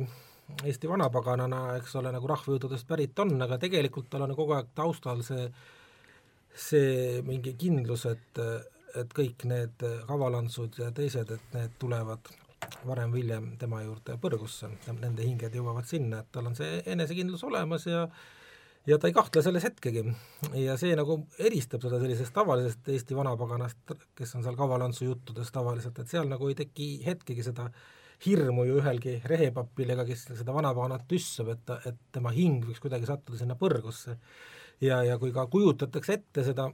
kirjanduses või rahvajuttudes seda nii-öelda Eesti vanapagana eluruume, et see ei, e-, ei ole ju mitte midagi muud kui tavaliselt üks suur talu, kuhu mm., kuhu see kavalants võib sisse minna, kuhu, kuhu Kalevipoeg läheb, eks ole, allilma, eks ole, seal ta siis maadleb sarvikuga või kavalants varastab midagi et see ei ole see kristlik põrgu kaugeltki, kus keegi keeb potis ja, ja mida kirjeldab Dante, eks ole, et oleks, oleks väga naljakas ette kujutada, kuidas kavalants läheb Dante põrgusse näiteks ja varastab sealt siis ma ei tea, söögilaua või putru kuskilt või kuidas Kalevipoeg murrab sinna sisse ja maadleb Lutsiferiga kuskil põrgu kõige alumises ringis, et see on täiesti mõeldamatu. et need on väga erinevad põrgud, aga aga Jürka nagu jah, ühendab eh, neid mõlemaid mm., et eh, noh, eriti ju tänu sellele, et Tammsaare on kirjutanud, kirjutanud oma sellele eessõna, kus noh, me ikkagi näeme, et Jürka on tõesti vanapagan, ta käib eh, paradiisi ukse taga ja vestleb Peetrusega ja ta ei ole mingi maa peale sattunud ullike. Ja ta on väga intelligentne, kui seda nii-öelda eelmängu saatesõna lugeda, siis tegelikult vanapagan, nii-öelda see vanapagan on äärmiselt arukas, äärmiselt äh, nutikas ja üldsegi mitte selline kohtlane jõmm, kes siis müttab selles rollis, kuhu ta siis kirjaniku sule läbi sattunud on, noh, lihtne on ju öelda, eks ole, et meie põrgud ja taevad ju peegeldavad ikkagi seda elulaadi, Eh, pärimuses ja folklooris, kus inimene elab, nii et ka meie põrgukujutelmad loomulikult on, on nagu selle, eh, selle vasted ja aga mina näen selles vanapaganas just nimelt nagu sellist ja Kaalantsu mm, nii-öelda sellises nii-öelda selles paaris rakendis, mis nad selles romaanis on. Ja minu meelest see tuleb ka sinu enda romaanidest hästi välja, et need ongi sellised huvitavad situatsioonid, mis tekivad, kui kohtuvad erinevad kultuurid. Et üks püüab siis tõepoolest esindada seda niisugust Euroopa, nagu see vanapagan meil on, selline nii-öelda Euroopa selline metsane sahver, kus ela, elatakse omade reeglite järgi, kus on natukene naiivsus ja lihtsameelsus ja siis tuleb, eks ole, minu meelest see Ants esindab palju rohkem seda klassikalist Euroopa kuradit ja põrgut, kellest mm. sina rääkisid, kelle, kes ühesõnaga magusate juttudega, ühesõnaga sillutab, sillutab sootuks teistsugust põrguteed sellele, sellele lihtsameelsele segaverelisele krantsile, nagu sa väga kenasti ütlesid ja, ja ma ei olegi, noh, ühesõnaga samas mulle tundub, et võib-olla ta mingil, mingil hetkel ühesõnaga noh, nagu itsitab see vaikselt pihku, eks ole, et, et minu arvates selles siis kes? Tammsaare või, või ma mõtlen, see, see vanapagan, et minu mm. arvates selles, selles Tammsaare romaanis on tegelikult just nimelt kõrvuti kaks e, üks, ühelt poolt on vanapagan ja siis on see kurat või see kurat, kes on nii-öelda siis kavalantsu näol ilmunud, et, et need, see on nagu see tase, eks ole mm. või, või, või see selline koht, et mina näen seda sedapidi, et siin on tegelikult nagu kaks, kaks eri kultuurist pärit eh, pärit, eh, pärit niisugust tegelast, kelle koht tõenäoliselt on, on pigem seal, seal allpool, kus keeb pudiseb ja ja muliseb. jah, ütleme väliselt Kaval Ants kindlasti sarnaneb sellise Mefistofelesega, et teda on ka, kui teda on mängitud teatris, siis ka enamasti niisuguse väikse kikkabeme ja Just. ja, ja kissis silmadega mm. mehega, aga, aga noh, samas eks ta on ikkagi pigem Tammsaare selline noh, ta läheb ikka sellisesse klassik-, see on, see on Tammsaarel ju jällegi ühed standardtegelased kõikides äh, romaanides, et on olemas siis need nii-öelda suured armastajad, kelle probleemideks on armastus ja surm ja siis on selle ümber keerlev niisugune tänapäevane äh, klassiühiskond, millesse Tammsaare suhtub ülima iroonilisusega, et, et mi-, mi-, mida on siis eh, noh, Tõe ja õiguse neljandas osas köögertalid ja paraleppadega, mida on elus ja armastuses seal Rudolf Ikkas emudega ja ja, ja mida siis esindab ka just nimelt Kaval Ants kõikide oma sõpradega, keda tal terve, terve linn on täis, ministrid ja ministriabid ja, ja kes elavad niisugust väga noh, kasu saamisele, just nimelt nagu sa ennem lugesid seda tsitaati, et kelle jaoks puud on ikka oluliselt siis, kui need maha võtta, aga mitte siis, kui nad metsas kasvavad, eks ole, et kõik on nagu kasumile suunatud. ja noh, natukene selles suunas seda su-, seda seltsi tegelane minu arvates on ka Pearu Murakas, eks ole, kes samamoodi vähemalt üritab pääseda sinna, kus on välja valitud, kus tõepoolest, eks ole, kõrtsitarres on sul viiesajased ikkagi varba vahel ja sa suhtled kas Pearu oli Muraka pere, mul see me-, sootuks, sootuks meelest ära Pearu perekonna nimi oli Murakas, tema oli Murakas. et Pearu Murakas ju tegelikult esindas ka seda niisugust võib-olla uusrikast talupoega või vähemalt mängis seda rolli või vähemalt ta iga hinna eest püüdis nende hulka saada mm, -hmm. et eristuda, eks ole, sellest nii-öelda tavalisest tööd rügavast, maad ligi hoidvast eh,, nagu Vallakul on see sõna, härgamisi oma elus edasi minevat, et tema püüdis ikkagi nii-öelda mängleva kergusega seda eh,, seda küll, seda küll, ehkki Tammsaare ütleme, Pearut ja, ja seda tagakambri seltskonda, isegi Kassiri Jaskat kujutades, ta siiski, Kassieru Jaskat, kes on see noh, kõige rikkam mees seal Vargamäel, eks ole, kes kõnnib sajarublased varvastama ja seda, seda, seda ei suuda, seda ei suuda ei Pearu ega Andres Kassieru Jaskat järgi teha. et neid kus tema läbi käib, meil esimeses juba või? Mm, ta ongi esimeses ainult jah ja,, et hiljem on ta juba surnud. et ta on jah, selline selle taga, kõrtsi tagakambri peremees siis põhimõtteliselt, kõige hobuseparisnik ja kõige rikkam mees et neid ta kujutab siiski veel sellise realistliku pi-, see piires, aga, aga tegelikult ju nendes Jõgertalide, Paraleppadega, Kavalantsu seltskonda kujutades ta ikkagi läheb juba äh, satiiri välja, et see, see ei ole enam nagu selline noh, päris realistlik või et ta, ta keerab nagu vindi nii üle, et see on natuke juba nagu niisugune omaaegne, omaaegne pikri kuidas kujutati mingit noh, sellist, sellist tõusikut või et, et seal, seal ta ikkagi paneb, paneb nagu mõnuga, seal ta läheb juba nagu publitsistlikuks kohati, kui ta kirjeldab seda, kuidas mm -hmm. Eesti Vabariigis elatakse, eks ole, et see on jah, samas Kaval Ants minu arvates sobiks tänapäeval ka suurepäraselt mõne sellise müügifirma või millegi agendiks, kes määrib sulle pähe terve pinu asju järel, järelmaksult, eks ole. arhetüüpiline kuju Arhe,. arhetüüpiline kuju, eks ole, kes on täpselt niimoodi, et, et, et põrgutee on sillutatud heade kavatsustega, et ta ikkagi kasutab ära niisuguste lihtsameelsete inimeste, inimeste niisugust siirust, ausust ja ka seda, et iga sõna tähendabki täpselt seda, eks ole, mida, mida suust välja mhm. öeldakse, nägemata seal all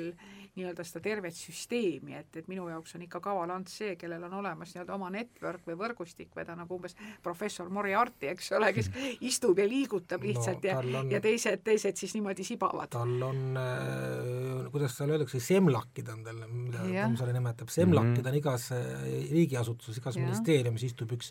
niisugune kavalants, aga noh, eks see on selline see on ikkagi selline maine maailm, et aeg-ajalt mm, -hmm. kui nad kuulevad, kuidas Jürka naerab või, või köhib või midagi teeb, et siis kõigil hakkab hirm, et äkki ta on ikka tõesti vanapagan. jah, see koht oli mul ka meelde, kui Ants ütleb, et järsku, kurat, järsku ongi vanapagan jah, et siis no, jah, ja, ja noh ja mitu korda läbi see. ja siis ongi siis ongi halvasti ja, ja tulles tagasi selle religioossuse juurde, et tegelikult ju minu jaoks ka see religioossus kumabki nagu sealtkaudu läbi, et, et kas see religioossus on nii-öelda midagi, mida me näeme või on ikkagi pärast surma veel midagi et kas see ühesõnaga, kuidas me maailma näeme, kas see ongi kõik või sellele järgneb veel miski ja mis seal ikkagi siis hakkab olema? no selles osas meil vist usaldusväärsed eh, reisikirjad puuduvad nii ja. palju, kui mis seal surmajärgselt nüüd toimuma päris hakkab, Dante küll eh, kirjutas ikkagi selle elavast peast eh, oma, oma versiooni valmis vist. kuna ma jah, selle teemaga olen akadeemilises plaanis natuke tegelenud, siis ma ütlen, et kuna sealt tagasi just keegi tulnud ei ole, et ju siis võib-olla peab pisut parem olema, aga see on selline ülevõli nali nojah, aga eks see kirjanik loob ka oma, oma maailma ja antud juhul selles maailmas, selles raamatumaailmas on, on see peale surma järgne elu on täiesti olemas, vähemalt Põrgu selle raamatu järgi on täiesti reaalne ja, ja, ja samuti ka siis see paradiis, mida valvab Peetrus ja, ja mis, mis tegelikult äh, jätab ka mulje, et ka seal on umbes niisugused kavalantsud ametis, kes peavad lakkamatult koosolekut ja, ja lasevad Jürkal ukse taga oodata ja Peetrusel, nii et ja, ja samas see religioossuse jaoks ma leidsin siit ühe toreda tsitaadi, kui te lubate, siis ma loen selle ette. Et, et see on just nimelt eh, selles osas, nagu ma ütlesin, mis minu jaoks on selles raamatus huvitav, see on see, Tammsaare on pealkirjastanud selle eelmäng, et vaat see religioosse teema. Et kui siis eh, Peetrus ühesõnaga hakkab vanapaganat maa peale suund, suunama, et et ja nüüd ma siis tsiteerin. Et sellepärast olekski nii tähtis, kui sina läheksid inimesena maa peale, et katset teha kas ehk ometi pole võimalik õndsaks saada, teiste sõnadega, sa peaksid inimesena tõendama, et mitte Jumal oma loomisega pole äpardunud, vaid inimesed äparduvad oma eluga ja et nõnda on õigus ning kohus, kui nende hinged lähevad põrgu. et see on nagu minu jaoks kuidagi hästi tähenduslik, et et võib-olla me ei suudagi, ühesõnaga, et me ei, nagu ei vasta nii-öelda looja ootustele, et me me inimestena tõesti olemegi ühesõnaga ekslikud ja, ja ebatäiuslikud ja ekslikud ja, ja, ja mis iganes. aga no te olete minust kui palju te nüüd olete seda uurinud, see omaette ise asi, see on omaette asi, aga minust kordades rohkem uurinud need Eesti rahvaluure vanemaid kihistusi ja ma kujutan ette, et see pildid allilmast on vist kõikide rahvaste mütoloogiale, ma ei ku-, ma ei kujuta ette, et see saaks, saaks, saaks teisiti väga olla, et oh,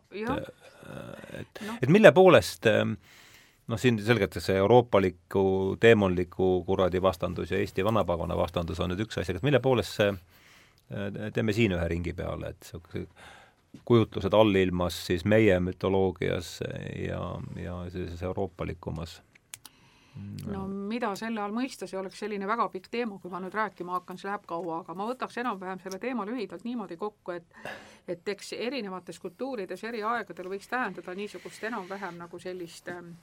kahte suunda ja meil tänapäeval ju ka, et ütleme, et see surmatemaatika on ühelt poolt nagu seotud siis kas siis ka erinevate näiteks kristlike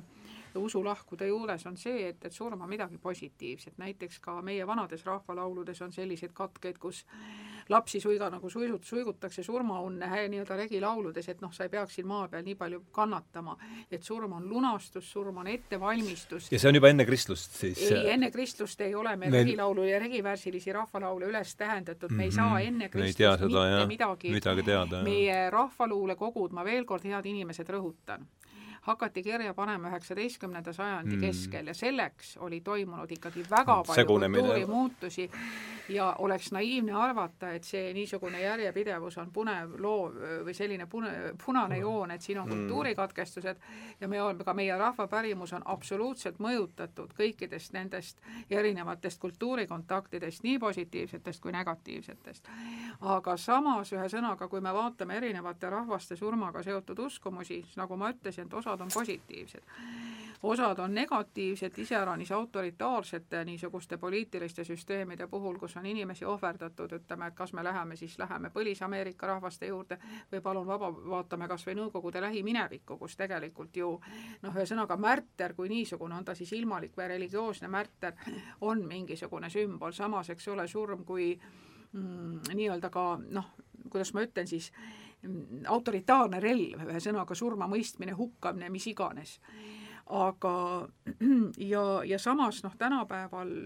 tänapäevases kontekstis ma julgen jälle öelda, et me hakkame tasapisi jälle surmast võõrduma ses mõttes, et et ta on meil virtuaalselt, on ta olemas. mängudes, kus iganes, arvutimängudes, siis meediauudistes, kus on mingisugused, surm tähendab traagilisust, hukkumist, õnnetust, arstide ebapädevust, mida iganes et ka arusaam surmast aegade või noh, seda võib ka, ka minu enda näiteks elukäigu puhul ma täheldan, et on muutunud, et et, et lapsepõlve Võrumaa külas noh, ikka juhtus, et inimene suri, tuldi matustele, räägiti, toimetati, olid väga erinevad rituaalid. nüüd tänapäeva inimene ju sisuliselt äh, rituaalide asemel ostab teenust ja selleks on erinevad põhjused, mida iganes ma ka ei räägiks, et see ei tähenda seda, et ma mõistan hukka, et, et, et vanem aeg oli selline, nagu ta oli, praegune aeg on ta selline, nagu ta on Mm, nojah, eks ole, et praegu võib-olla tõesti on selline nooruse kultus ja, ja võib-olla meil eriti, et noh, nagu vanem inimene on kuidagi nagu piinlik olla, eks ole, et sa oled ühiskonnale koormaks. me pidevalt räägime sellest, kuidas muudkui ühiskond vananeb ja keegi ei jaksa vanemaid inimesi üleval pidada ja et meil näiteks eesti keeles ei ole selliseid noh, austavaid sõnu, mis paljudes kultuurides on vanemate inimeste, seenioride kohta ja, ja ma kusagil poolpilamisi ütlesin, et et meil on noor ühiskond, et isegi selgeltnägijad on noored aga samas näiteks ütleme puhtpraktilise poole pealt Eesti ühiskonnas me pole kunagi selles eh, nii-öelda paljurahvulises Eesti ühiskonnas arutanud, küll aga kitsastes erialaringkondades meil on olnud arutelud, et aga meie seadus ütleb, et inimesi tuleb matta meie usukommete kohaselt, aga meie ühiskond ei ole valmis paraku kõiki usukombeid tõenäoliselt aktsepteerima, mis väga paljudel rahvastel on nende matusepraktikates ja need on meile väga kummalised ja vastuvõetamatud, me oleme harjunud ikkagi krematsioon või kirstumatus mm, -hmm. eks ole. aga kas see surma nii-öelda eemaldumine tänapäeva ühiskonnas nagu käibest, et kas see noh, ka seotud ju minu arust ikkagi selle ilmalikustumisega mm, -hmm. et, et, et juhul, kui surm on nagu midagi väga olulist ja sellele järgneb midagi väga olulist, et sellisel juhul on ta nagu noh, teretulnum või eks ole, et keskajal surm oligi nagu see põhiline ja sealt algas mm nagu see õige elu, et see eelmine ei olnud ettevalmistus ja seetõttu surmaga suhtuti väga suure austusega, tähelepanuga, et tänapäeval kuna enamasti arvatakse, et pärast surma siiski midagi ei tule, siis ta on selline ebameeldiv, veidi hirmutav ja temaga nagu ei soovita tegeleda. kindlasti on see ka üks põhjus, aga, aga teine asi on tõepoolest ka see selline mälu või järjepidevuse teema, et me hästi palju ka nagu Äh, tänapäeva inimese nagu sellised, nagu ma ütlesin, niisugused eluväärtused on ikka natuke teistmoodi, et ikkagi noh, oluline, ma ütlesin, et oluline on olla noor ja, ja ühesõnaga kõik see, mis hakkab selle vananemisega pihta, et see on, see on tülikas, ebameeldiv, mhm. ühesõnaga see seostub haiglaga, see näiteks Eesti ühiskonnas seostub see valdavalt meditsiinisüsteemiga, haiglaga, sotsiaalprobleemiga, kulutustega, millega iganes. me ei näe enam tõepoolest elu nii-öelda elust lahkumises midagi head. ülevat, midagi ülevat, midagi no, aga, head, eks ole ikkagi, mina ikkagi arvan, et see on selline ilmalikustumine. sest et tahetakse nagu noh, tõesti, ega selles ju ei olegi midagi head siis, kui sa nagu ka-, kaod igaveseks, eks ole, aga enne sa veel ütlesid seda, et et surm võib olla nagu positiivne või mõnes ühiskonnas negatiivne, aga, aga kas ta ei ole enamasti nagu mingis mõttes mõlemat, et, et noh, kristlikus traditsioonis surm võib olla just see, et sa pääsed igavesse õndsusse või teine võimalus, et sa lähed põrgusse kuradit närida ja see on väga paljudes kultuurides ja nii ja. ka näiteks Skandinaavias mm -hmm. lahingus hukkunud mees sai ikkagi Valhallasse ja voodis surnud mees läks hoopis ühte kehvemasse kohta. no absoluutselt, aga samas on see jälle, et, et ega see surma, surma kujutamine on ju tegelikult ka meie tänaste väärtuste või noh, ühesõnaga ütleme, et oma ajastu väärtuste peegeldus, eks ole. et, et sõdivates kultuurides on oluline, et mees langeb, eks ole, et ta kannab lahingus, mingisuguseid jah. moraalseid väärtusi, mingisuguses teises ühiskonnas, eks ole, teatud viisil suremine kannab mingisuguseid nagu teisi väärtusi, väärtusi, et, et noh, et, et kuidas see elust lahkumine tegelikult ka nagu noh, nagu peegeldab seda meie nagu seda elu väärtustamise, elu väärtustamist või midagi mm, -hmm. nii et mhm. aga kindlasti on olemas mõlemad, sest eks me vaatame ju kodus ka, meil on esivanemate pilte või, või kingitusi või asju, mis tuletavad meile meelde meie lahkunud lähedasi aga võib-olla on mingisuguseid negatiivseid kogemusi ka seoses surmaga, millest me tegelikult ei taha rääkida, võib-olla need on õnnetused või mingid muud, eks ole mm, -hmm. kui mhm. me tunneme, et võib-olla me pole inimesele olnud piisavalt lähedal, kõrval ei ole saanud teda toetada, et et ta ilmselt on ikka jah, kuidagi meie, meie endi ja meie ühiskonna nägu, aga samas näiteks suurtest surmadest me tahame osa saada, kui lahkub keegi lugupeetud mm -hmm. ühiskonnakodanik, eks ole, me oleme solvunud, et meid võib-olla ei lasta matustele või piisavalt ja, palju ja. ei kanta üle, aga me ei taju seda, et, et noh, inimene kuulub perekonnale, perekond tahab võib-olla intiimselt äh, hü hüvasti jätta, et, et hästi palju on nagu, see on no, selline küll, kirju, kirjuring. et kui ma tulen tagasi nüüd selle Põrgupõhja vanapagana juurde, siis ka seal on tegelikult, et surmal võib olla nagu kaks erinevat väärtusskaalat, eks ole, et on, Jürka ju teab juba ette, et Kaval Ants läheb põrgusse, et seal ei ole mingit kahtlust ja, ja samas ta on veendunud, et Juula ja, ja tema tütar lähevad äh, taevasse. et, et, et sellest on samuti jällegi veendunud, et et siin on tegelikult üks teine huvitav vastandpaar veel lisaks Kavalantsule ja Jürkale, et see on Jürka ja kirikuõpetaja, mm, kes väga, ka lakkamatult ju vestlevad ja, ja see on just väga, väga huvitav, et et seal nagu see maailma, maailma noh, ilmalikustumine nagu kõige rohkem paistab võib-olla välja, et see maailm on tegelikult selline uskmatu maailm, kus see Jürka tegutseb. et ega neist keegi ju ei usu enam mitte midagi, aga see vaene kirikuõpetaja tegelikult ju ei usu ja seetõttu Jürka hämmastab teda oma suure usuga, aga tegelikult Jürka ei usu, Jürka teab Jürka teab ta teab, et ta on sealt pärit ja, ja ta paneb, ja ta paneb muuseas selle usk, mõnes mõttes uskmatu mm -hmm. õpetaja uskuma seda, et tegelikult aga põrgu võib-olla ongi olemas, eks ole, et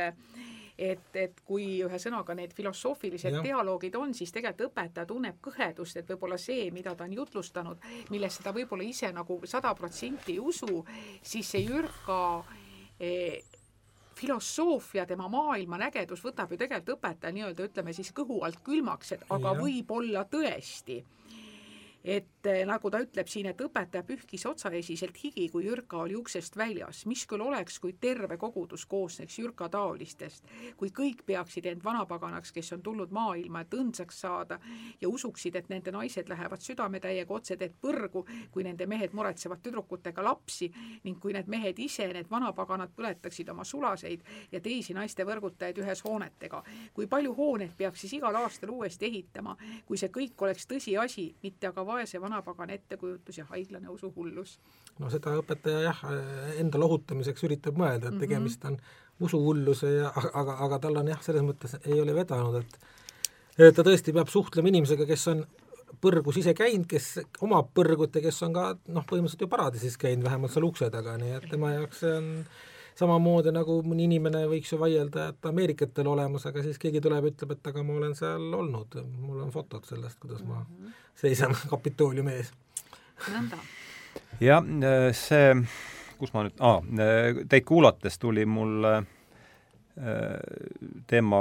ette, mida ma ei plaaninud siin tõstatada, aga aga see on nagu käibe, üks nendest käibetõdedest, et Tammsaare mingis mõttes äh, jutustab meile siin Dostojevskit ümber ja ta on Dostojevskist saanud väga palju mõjutusi ja ja ju ka Dostojevskit tõlkinud, eks. -hmm. et äh, et noh, teda, kogu Dostojevski loomingut ju hingestas või motiveeris, lükkas, lükkas teele, et sa, et no mis, mis sellest ilmalikust usu kaotanud ühiskonnas siis lõpuks saab, et kuhu äh, Äh,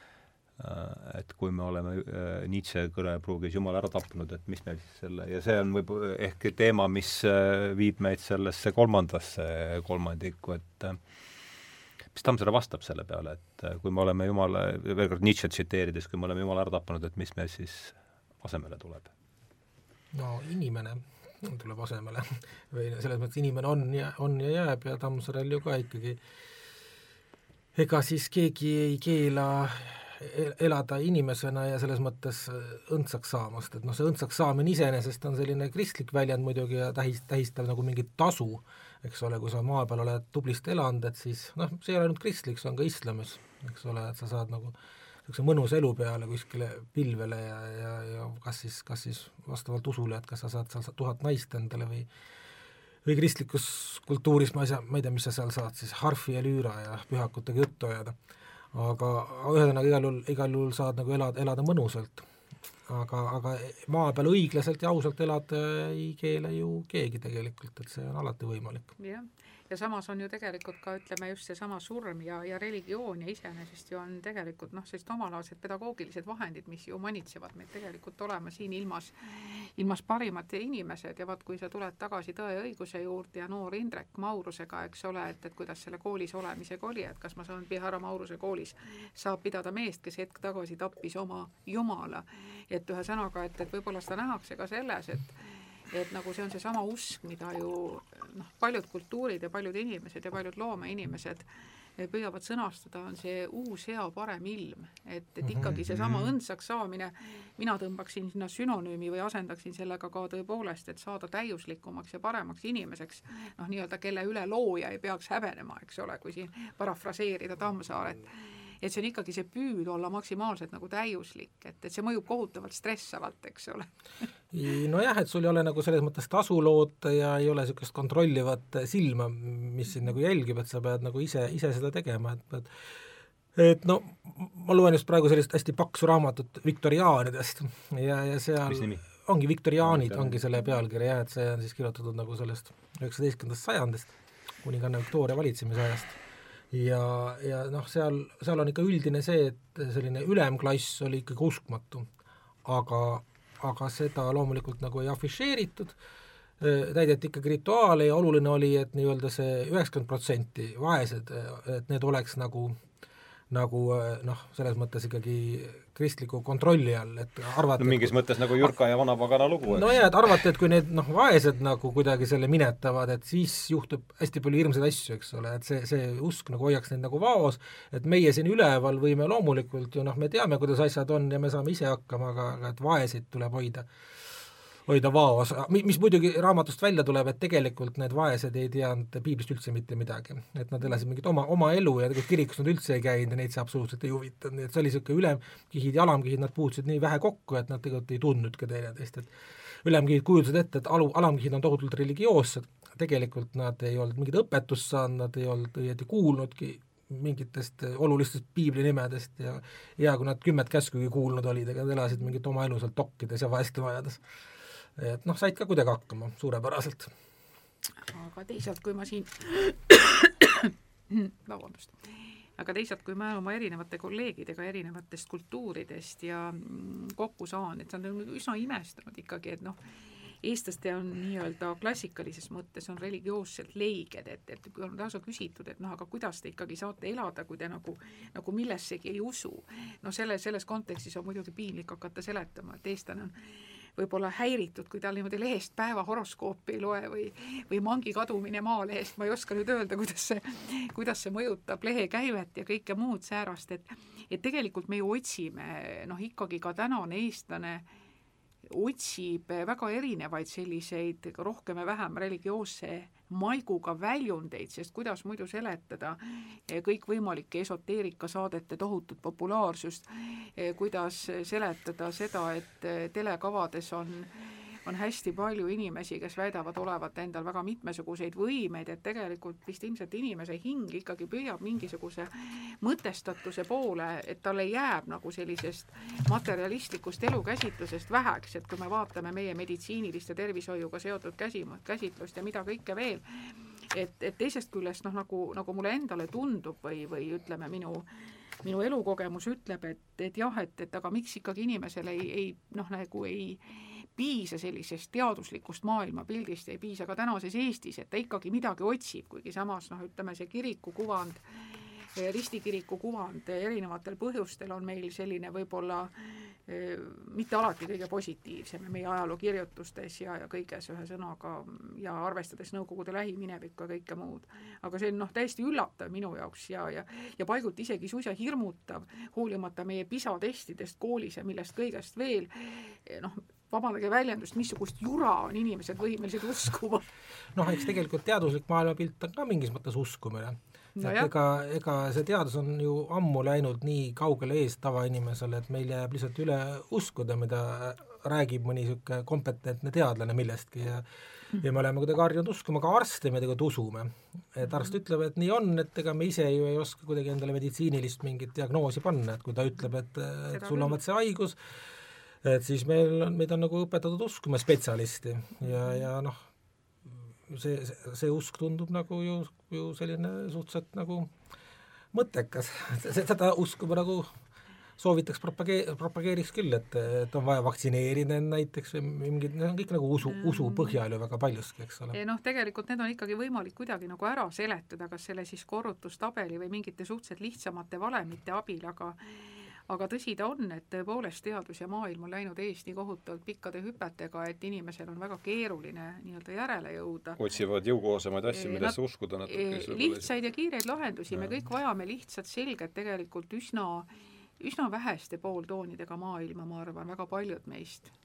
ja kus on kõik asjad on paigas, on reglementeeritud, mulle öeldakse, mida ma pean tegema, kuhu ma pean minema ja, ja ma ei pea oma peakest vaevama igasuguste keeruliste asjadega, ma ei pea väga palju otsustama ja taas ma jõuan tagasi sellesama Tammsaare juurde, et ma ei pea pidevalt tegema valikuid ja otsustama, sellepärast et nendega võivad kaasneda midagi, mida ma ei taha, mis mulle ei meeldi, mis iganes. see teaduse peale läks jutt, siis ma seda ka plaanis ja ma loen, siit ise ühe lõigu ette, et et äh, mis äh, tuli nagu, tuli selle viimase mõttevahetuse käigus siin nagu ette. et need targad sõnad meeldis, meeldisid Juulale ja sellepärast läks ta poistega arsti juurde. aga siin tabas ta, ilma et oleks seda ise teadnud, kaks kärbest korraga, sest arst oli alguses õppinud usuteadust ja alles hiljem, kui ta sellest juba nii palju teadis, et võis kõiges kahtlema hakata, arstiteadus, arstiteadusele üle läinud. ent seeme, mille usuteadus tema hinge oli külvanud, polnud idanemata jäänud nii et kui, nii et kui ta jõudis ka arstiteaduses kahtlema õppida, otsis ta vahetevahel lohutust usuteadusest,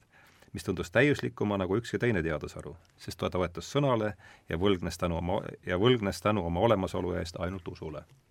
see oli hingematemaatika see oli muusika kontrapunkt, mida pole vaja millegagi põhjendada või tõestada, ta lihtsalt on olemas muud midagi. loodusteaduste nõrkuseks meie arsti arvates oli just see, et nad katsusid põhjendada ja seletada aga inimese mõistus on puudulik ja tema ise surelik ja sellepärast tuleb tal põhjendades ja seletades ikka kas aastatest või andmetest nappus kätte, see oli üks ma väga tänan selle eest, see on see ja see arutelu läheb ju tohutult edasi ja kuidas see Juula pärast lahkub väga õnnelikult, et et mis ikkagi oluline on see, et tema poistel on sarvemüksud, eks ole, et arutleb parem surgu naiste kätte kui nälga na,. naiste kätte kui nälga ja, ja, ja selles mõttes on see hästi huvitav nii-öelda teosoofiline arutelu ja, seal, eks ole, et, et kuidas väga vaimukas. on, on, on väga, väga hea koht ja, ja vastab ja võtab tegelikult väga hästi kokku, sest kas taaskord sellesama situatsiooni, mis meil ühiskonnas toimub, et mm -hmm. me vajame ka seda midagi, mis on meie hingele. aga tuleme tagasi sellesama Nietzsche juurde, et lihtsalt arutades ja, ja, ja ma eelkõige ise tahaksin nagu oma mõtlemist selgemaks saada ja kus sa muidu saad, kui, kui vesteldes, et nii, Jumal on meil nüüd surnud, tema asemel tuleb inimene, sa ütled, mis on siis, eks, humanism laias laastus inimese usk inimesse või? noh, tänapäeval öelda, et Jumal on surnud, on väga ennatlik, et, et siin iga päev lastakse mõni inimene Jumala nimel õhku. nii et, et on neid, kelle jaoks ta ei ole kunagi surnud olnud. Pole kunagi noh, ta, ta ei ole surnud, sest ta pole elanudki või ja, ja on nende jaoks, kelle jaoks ta ei sure kunagi ja eks on inimesi, kes tõesti vajavad millessegi uskumist ja neid, kes nagu lihtsalt noh, ei suuda uskuda, kes tahavad alati kontrollida ja kui nad kontrollida ei saa, siis nad ei, ei suuda ka uskuda seda, nii et, et neid inimesi on väga erinevaid ja ja, ja maailm on väga, väga kirju jah, et, et see on jah, öelda, et maailma lõpp on kät-, mingi mõttes kätte jõudnud, et seda nagu ei ole, et kõik on, jätkub kohati keskaja tasemel. mingites regioonides ju. Marju? jah, ja tegelikult on sedasi, et ega me ju, jumalad on ju, see on nagu religioosse mõtlemisse sisse kirjutatud, see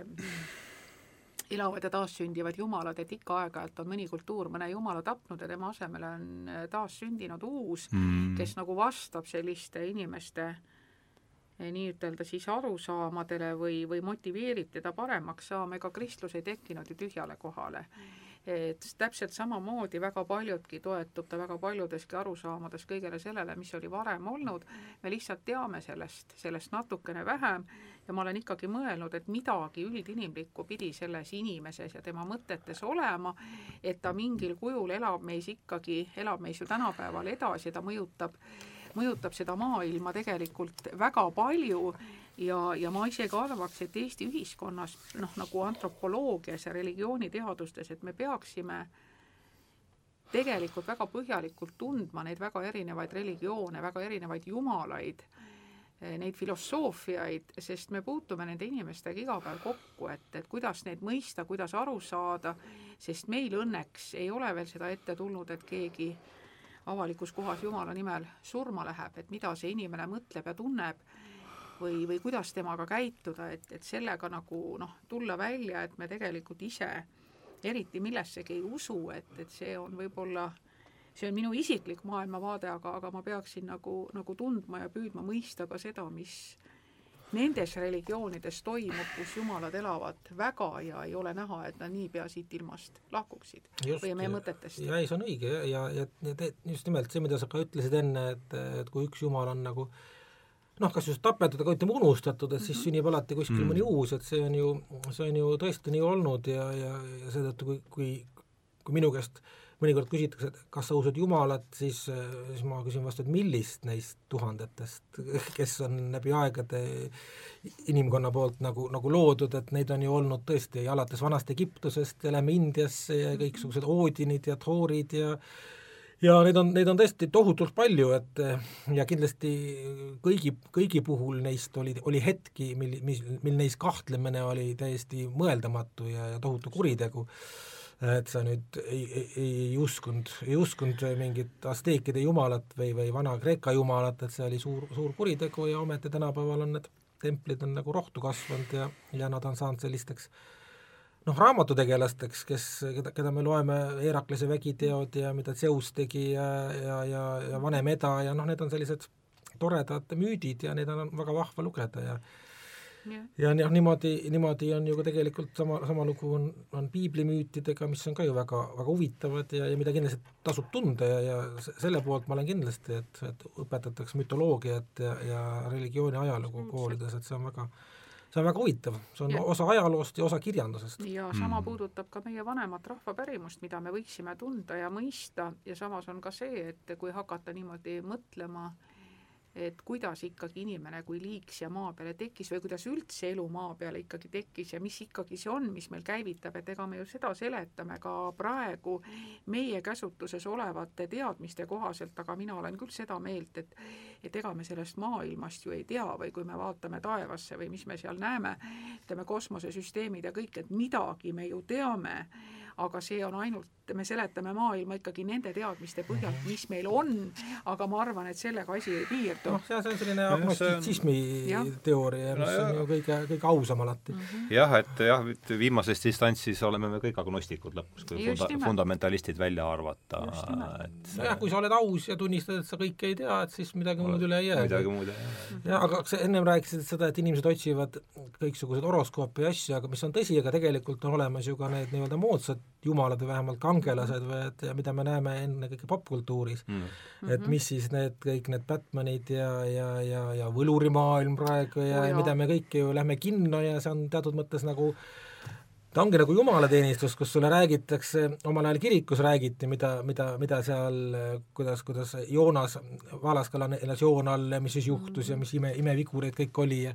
et tänapäeval me näeme kinos seda, kuidas tuleb üks superkangelane ja hävitab kõik kurja ja lükkab linnad ümber ja, ja no, see, see meie nälg selle järgi ongi ju see, et arhetüüpiliste lugude järgi. ja, ja me tahame üleloomulikku kangelast, kes hävitab halva. kes saaks meiega hakkama, ütleme pigem selle halva meie seest, eks ole, kes saaks meie eba täiuslikkusega hakkama, kelle poole me suudaksime üles vaadata ja selle ülevaatamise käe, ülesvaatamise käigus muutuda ikkagi õndsaks või veel kord paremaks inimeseks, sest ise me sellega hakkama ei saa, et see on hästi huvitav arhetüüpne müüt, et me siiski kogu aeg vajame kedagi kusagilt sealt, kes meid kantseldaks. kelle poole seda... meil oleks üles vaadata, ma arvan, see imet-, imetlemisvajadus on ikkagi ka inimesel mm -hmm. ju noh, ma arvan, et ilma selleta me ei oleks tõenäoliselt ju koopast väljagi saanud ja, ilma selle et, imetlemisvajaduseta, mulle tundub ja,. jah, jah, aga noh, selles mõttes see kinos käimine ongi nagu selles mõttes jumalateenistusel käimine, et et eks seal käidi ka nagu Just. korra ära ja pärast siis mindi välja ja mindi, võeti kõrtsis üks naps, et praegu minnakse ka pärast kino sageli. noh, kino ajal juba süüakse. kinos, kinos, kirikus otseselt popkorni ei müüdud ja Coca-Colat, aga oleks muidugi ju võinud. nojah, ühesõnaga ma ei taha teha siin selliseid eh, frivoolse, vallatuid, ühesõnaga mitte frivoolseid, vaid vastupidi, selliseid jumala vallatuid märkusi, et noh, tegelikult armulauavein ja ja oblaat ju teatud mööndustega mm. no seda küll, seda küll jah, aga no, jah, seda, seda küll jah, aga muide see, see Põrgupõhja uus vanapagan ju lõpeb ka tegelikult sellise superkangelase sööstuga, eks ole, et Kavalants, kes tundub ju nii võitmatu, et lihtsalt Jurka viskab ta üle aia ja paneb ta maja põlema, eks ole, et ega vanapagana vastu ikkagi ikkagi ei saa, ükskõik kui kaval sa, kaval sa võid olla, et kui tal ikka ära viskab, siis ta lööb ka kummuli selle maise maailma. et, et see on, see on see füüsilise, füüsilise jõu, ühesõnaga füüsiline jõud saab jagu ka sellest niisugusest pahast vaimsest. jah, ja, ja eriti veel, kui silme ette tuleb see, mida me ei ole küll teatris näinud, aga see Jaan Toominga lavastuse lõpp, kus Jürka ja, ja, ongi ja. ju selline tähis taeva, tähis taeva all tõstab, lükkab ümber tillukesi maju, kirikuid ja, ja ja, ja tegutseb niisugune hiiglaslik kuidas ta selle lavastuslikult oli välja mänginud, mingi no seal ongi, vanem oli suur lavapöörles, seal oli hästi tillukesed majad ja siis Lembit Eelmaa Jürkana kõndis seal keskel oh., üm-, üm-, ümberringi oli tohutu tähis taevas ja siis ta oligi nagu niisugune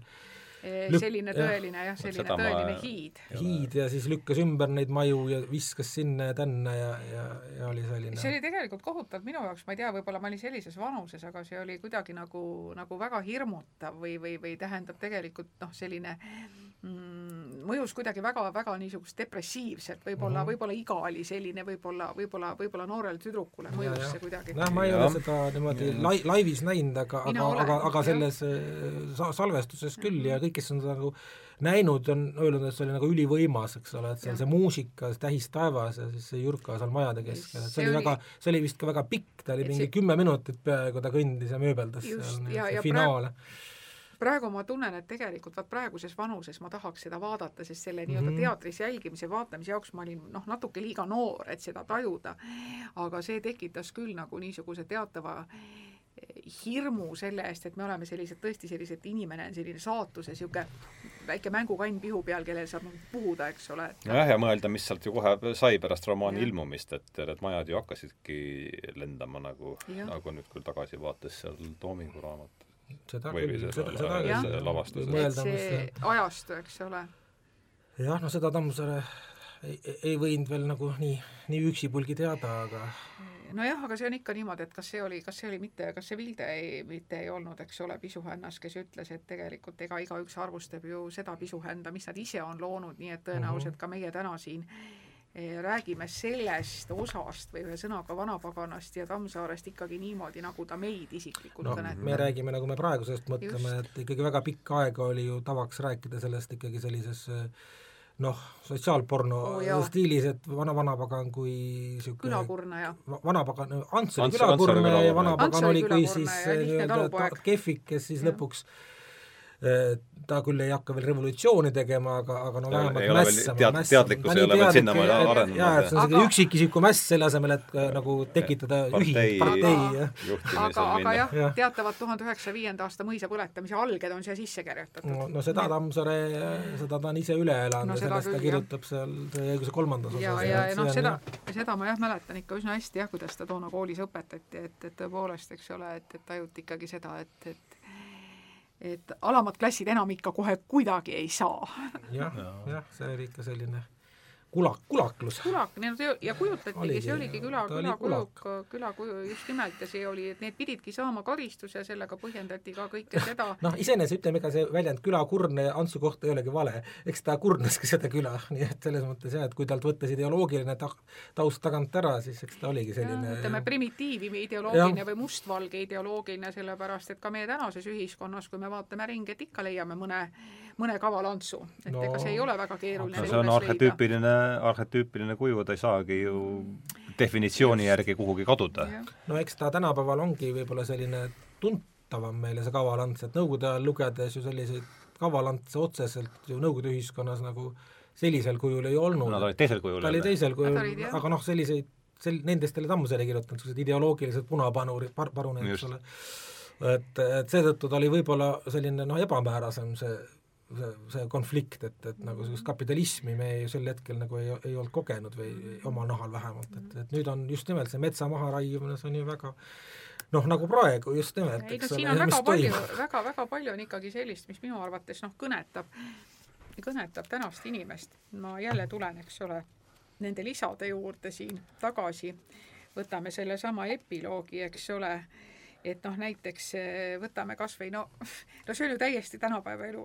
noh näiteks põrgust, eks ole, et, et eh, igavus, igavusest on poisid vahet pidamata katsetanud, viimaseks moeuudiseks on põrgus, et daamid pesevad ise oma lapse pesu või et värv aetakse ihult maha, iluraviga voldid lastakse välja.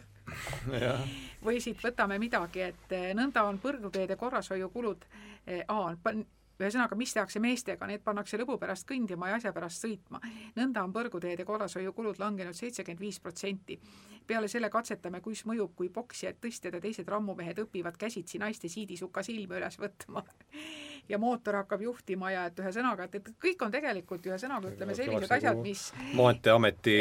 aastaaruandes. no enam-vähem just nimelt, et, et see mõjub ikka niivõrd, noh, niivõrd tohutult kaasaegselt, et see tegelikult lausa jahmatab. oleme jõudnud tagasi Tammsaare kaasaega põhimõtteliselt mingis mõttes, et ringiga, jah. Et... no see on see huvitav küsimus jah, või miks see üldse,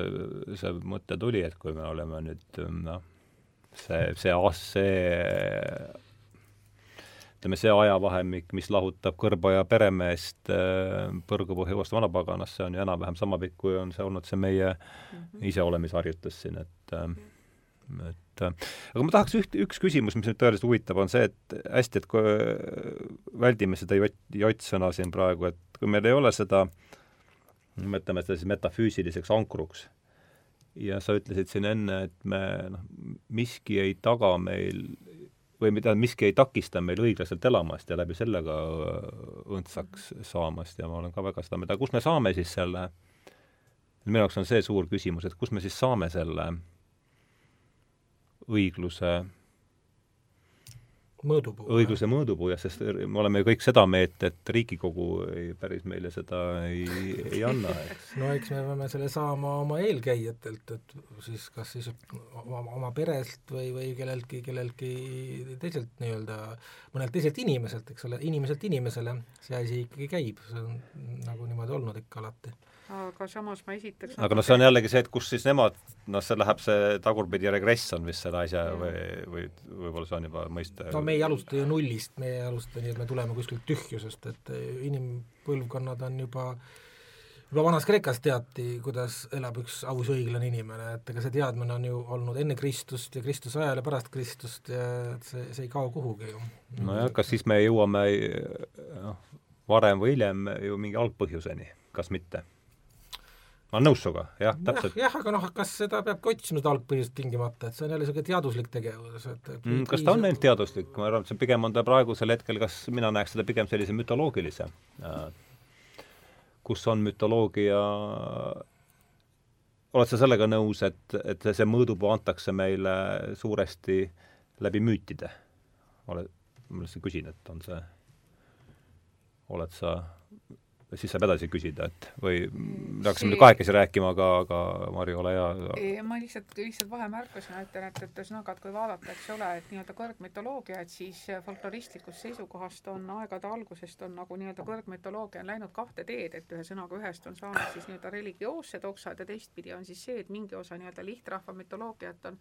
siis nii-öelda transformeerunud muinasjuttudest, aga ma tahtsin tegelikult küsida seonduvalt sellega, et et eriti noh, Eesti kontekstis, et meil on siin saja aasta jooksul olnud nii-öelda siis need kultuurilised murrangud ja aeg liigub väga oluliselt edasi, et kas eelmiste põlvede praktikad alati tänases maailmas töötavad, et kas need väärtused, mida mina kannan, kas kas need alati aitavad peale tulevat põlvkonda ja, ja, ja nii-öelda need, need väärtused, mis aitasid meie esivanemaid või eelkäinud põlvi, et kas need alates kas või näiteks sellest, et et minu põlvkonna jaoks on suhteliselt keeruline tänapäeva ühiskonnas iseennast reklaamida, turundada, promoda mm., et see on ebaviisakas, see on kasvatamatu, sul ei sobi iseendast hästi rääkida või, või noh, a la stiilis, mida ma ise olen kohanud, et kuule, tead, et see asi, sul oli, kukkus täitsa hästi välja see ettekanne, aga mul oli piinlik, noh, kuidas ma seda teiste ees ütlen, ma ütlesin, et just, et ära sa teiste ees ütle midagi hästi, et aga kui seal oleks olnud mingisugune viga või aps või puudus, siis sellest tuleb teha ilmtingimata väga niisugune oluline noh, sõnavõtt või teema et nagu see on minu jaoks, jaoks just hästi oluline, et, et ma vaatan, kui kiiresti muutuvad väärtushinnangud ajas. aga see on pigem selline võib-olla meie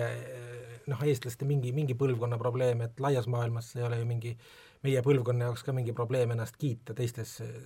teistes kultuurides lihtsalt, eks ole mm, -hmm. Ameerikas või kuskil, eks ole, sama vanad inimesed kui meie suudavad seda suurepäraselt teha mm, -hmm. et see on lihtsalt mingisugune rahvuslik omapära või või ma ei tea, midagi säärast. aga noh, see pole ka ju see põhiline nüüd mm, -hmm. mida tähendab nagu aus ja õiglane elu, et kas sa noh, et need on sellised noh, kõrvalised, kõrvalised detailid, et ma usun küll, et see kuidagi kandub inimeselt inimesele, et me ei võta ju teda otse kuskilt vanavanematelt, kus tõesti võib-olla see kõik oli natuke, võtad oma emalt-isalt, nendega, kellega sa kokku puutud, mingitelt vanematelt sõpradelt, nii edasi, et see kuidagi,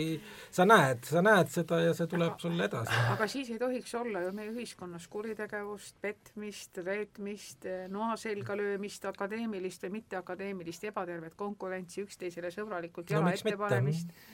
miks mitte, ega kavalantsud on ju ka alati olemas olnud. müütides on ju kõik asjad esindatud, eks, et ma ikkagi, mina ja on ka neid, kes õpivad kavalantsudelt. jah, muidugi, just nimelt, ja siis jääbki see konflikt ikkagi pidevalt püsima, eks aga ongi hea ja kurja konflikt loomulikult, ega mingit paradiisi ei saabu. selge see õndsaks saamine oligi raske, vanapagan peaaegu, ma, ma ei oskagi öelda, kas ta sai õndsaks selle raamatu lõpus. mis te arvate? minu arvates, minu arvates ta vist ei saanud, sellepärast teda taheti uuesti tagasi saata, siis ta tajus, et õndsaks saada nii-öelda ausa tööga ei ole ju võimalik.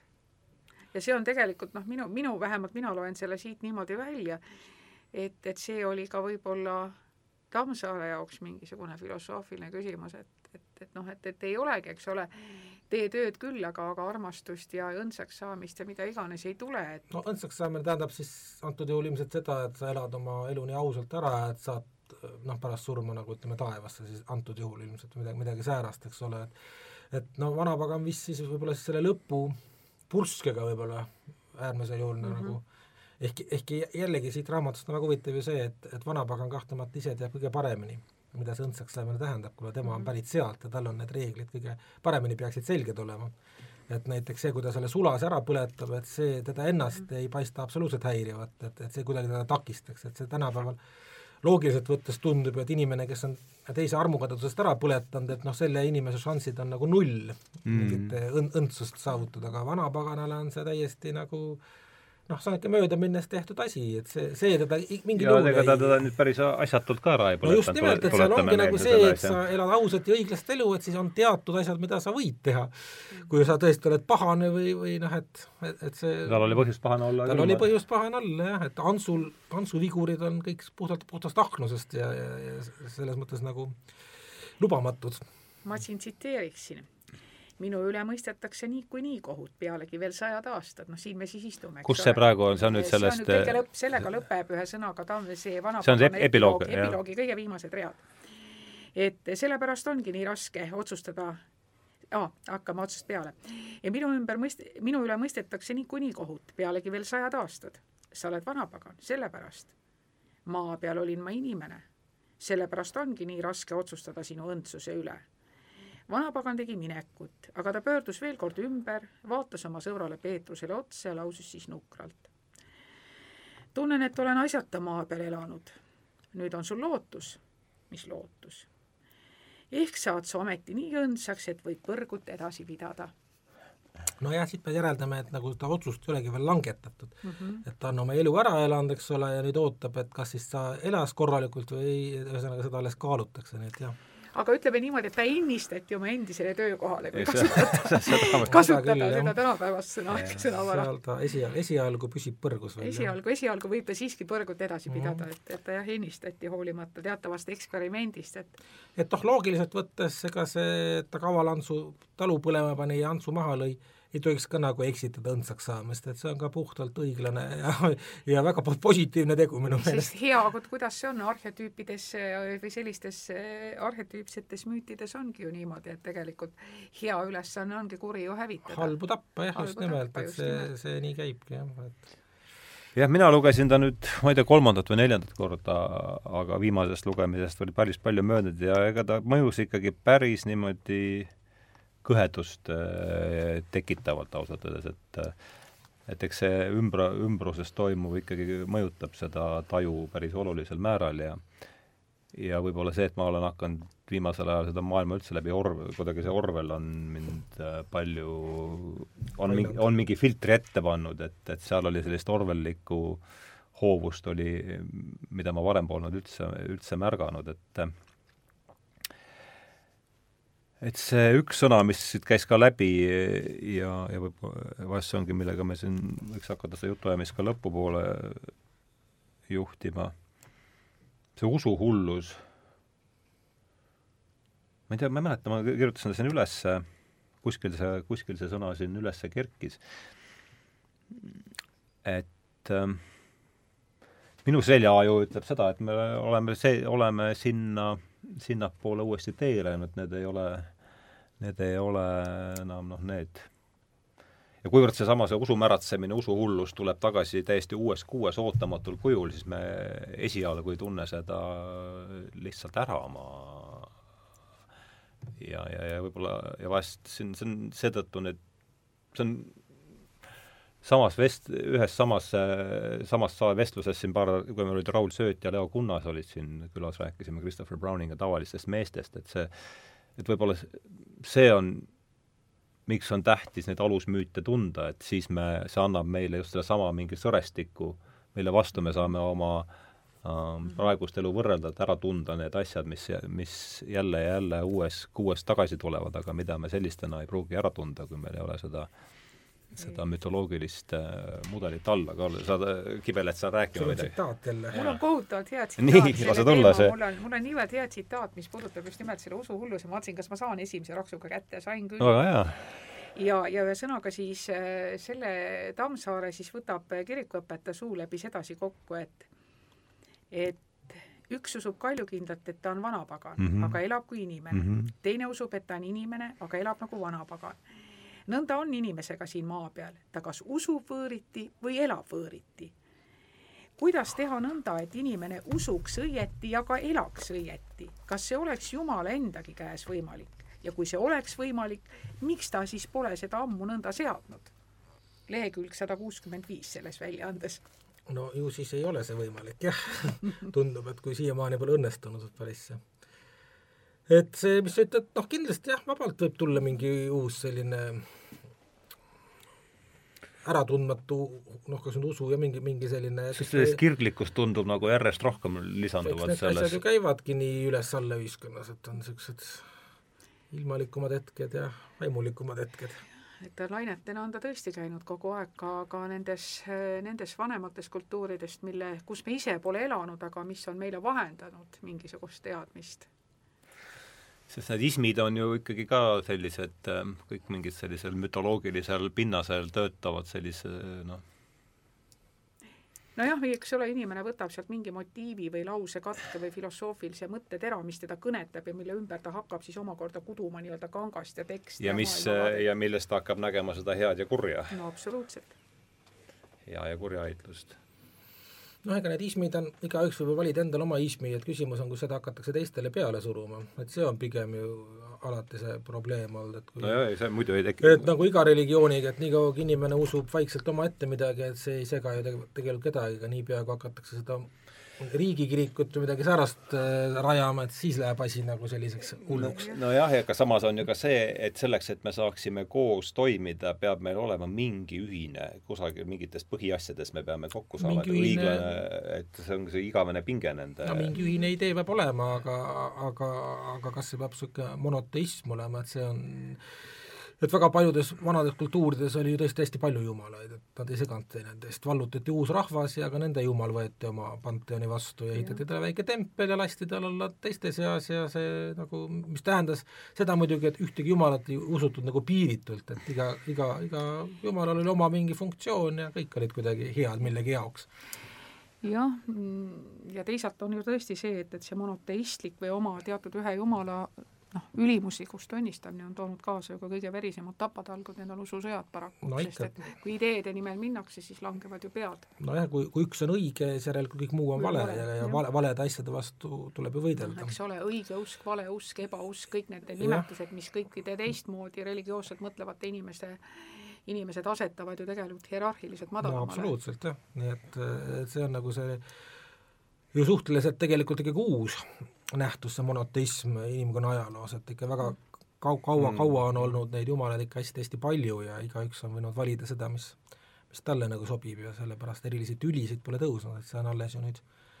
põhimõtteliselt judaismist alates on see no, monoteism nagu tekkinud. no mina näen seda asja nagu niimoodi, et kui me vaatame, kuidas see noh, nagu see on niisugune slaviski filosoofi meelisklus siin mm -hmm. jälle, et et kuidas see polüteism võiks nagu tekkida, et sa vaada, inimest on pikalt-pikalt vaadeldud selleks ajaks juba ja siis on välja destilleerunud mingid printsiibid, et see on viha, see on armastus, see on noh, mis, mis asjad veel, aga siis kui sul ühel hetkel neid jumalaid, see panteon noh, venib liiga suureks, siis tekib jällegi vajadus mm -hmm. neid mhm. kuidagi grupeerida, et üldse no lõpuks on ju vaja siin maailmas, maailmas kuidagi toimida jah, et noh, siis siis tekib see küsimus, et mis oleks, kui paneks siis ühe vennikese siis nüüd kõigi teiste järele vaatama, mis iseenesest ei tundu ka olevat väga rumal mõte, aga millega noh, nagu me siin, me ei pea siin üksteist veenma hakkama, et, et sellega võib sõita ikka väga koledasse kohta, kui sellesse suhtuda niimoodi piisava sagedusega. nojah, nagu ta... sagedus aitab muidugi põrgureisil alati kaasa, aga eks ta vist niimoodi on jah, ja see puudutab ka tegelikult meie maist maailma, et kui üks inimene jääb oma kohale natuke liiga kauaks ja hakkab seda maailma iseenda omaks minema, siis läheb jamaks. et, et, et eks see inimeste ju maapealne elukorraldus on ju samamoodi seatud, et on olemas keegi, kes mingi noh, ühesõnaga keegi, kes midagi juhib, jaguneb, siis on olemas mingisugused lahtrid nojah, ja eriti kui on olemas mingi grupp, kes sellesse ühte inimesse fanaatiliselt usub, et siis ja. võib ka tema nimel tappa väga, väga kergesti, et see on täpselt sama nagu see monoteistlik jumal. ja selleks ei ole palju, ja mis kõige veidram on see, et selleks ei ole üldse vaja palju fanaatikuid, et äh, ja. lammaste karjatamiseks on äh, vaja suhteliselt vähe koeri. absoluutselt. sest kui keegi oleks tuhat üheksasada seitseteist juulis ennustanud, et bolševikud võtavad Venemaal oktoobris võimu, ma ei kujuta ette, kes oleks selle veel ka, veel tuhat üheksasada seitseteist juulis, ma arvan, oleks keegi selle peale panust- või teinud panuse, et, et bolševikud võtavad oktoobris võimu, oleks välja naerdud no,. Okto-, oktoobris oleks ka väga veider olnud panustada, et nad jäävad just nimelt, veel, ja et nad aastaks võimule jäävad, see oleks olnud veel, ma olen täiesti nõus sellega, et see on, äh, see on äh, väga ebatõenäoline. ja ka kalvinistlikus Šveitsis, ega seal palju neid oli, nii palju, kui ma seda asja olen uurinud, kümme, ka mingi kümmekond protsenti protsenti oli seda, seda, nii et äh, no ega kristluse võidukäik Rooma impeeriumis oli ka üsna ebatõenäoline mm. -hmm. et ta algas ka kuskilt sekti, veid-, veidrast sektist ja, ja kasvas selliseks äh, tervet keisririiki hõlmavaks religiooniks, nii et see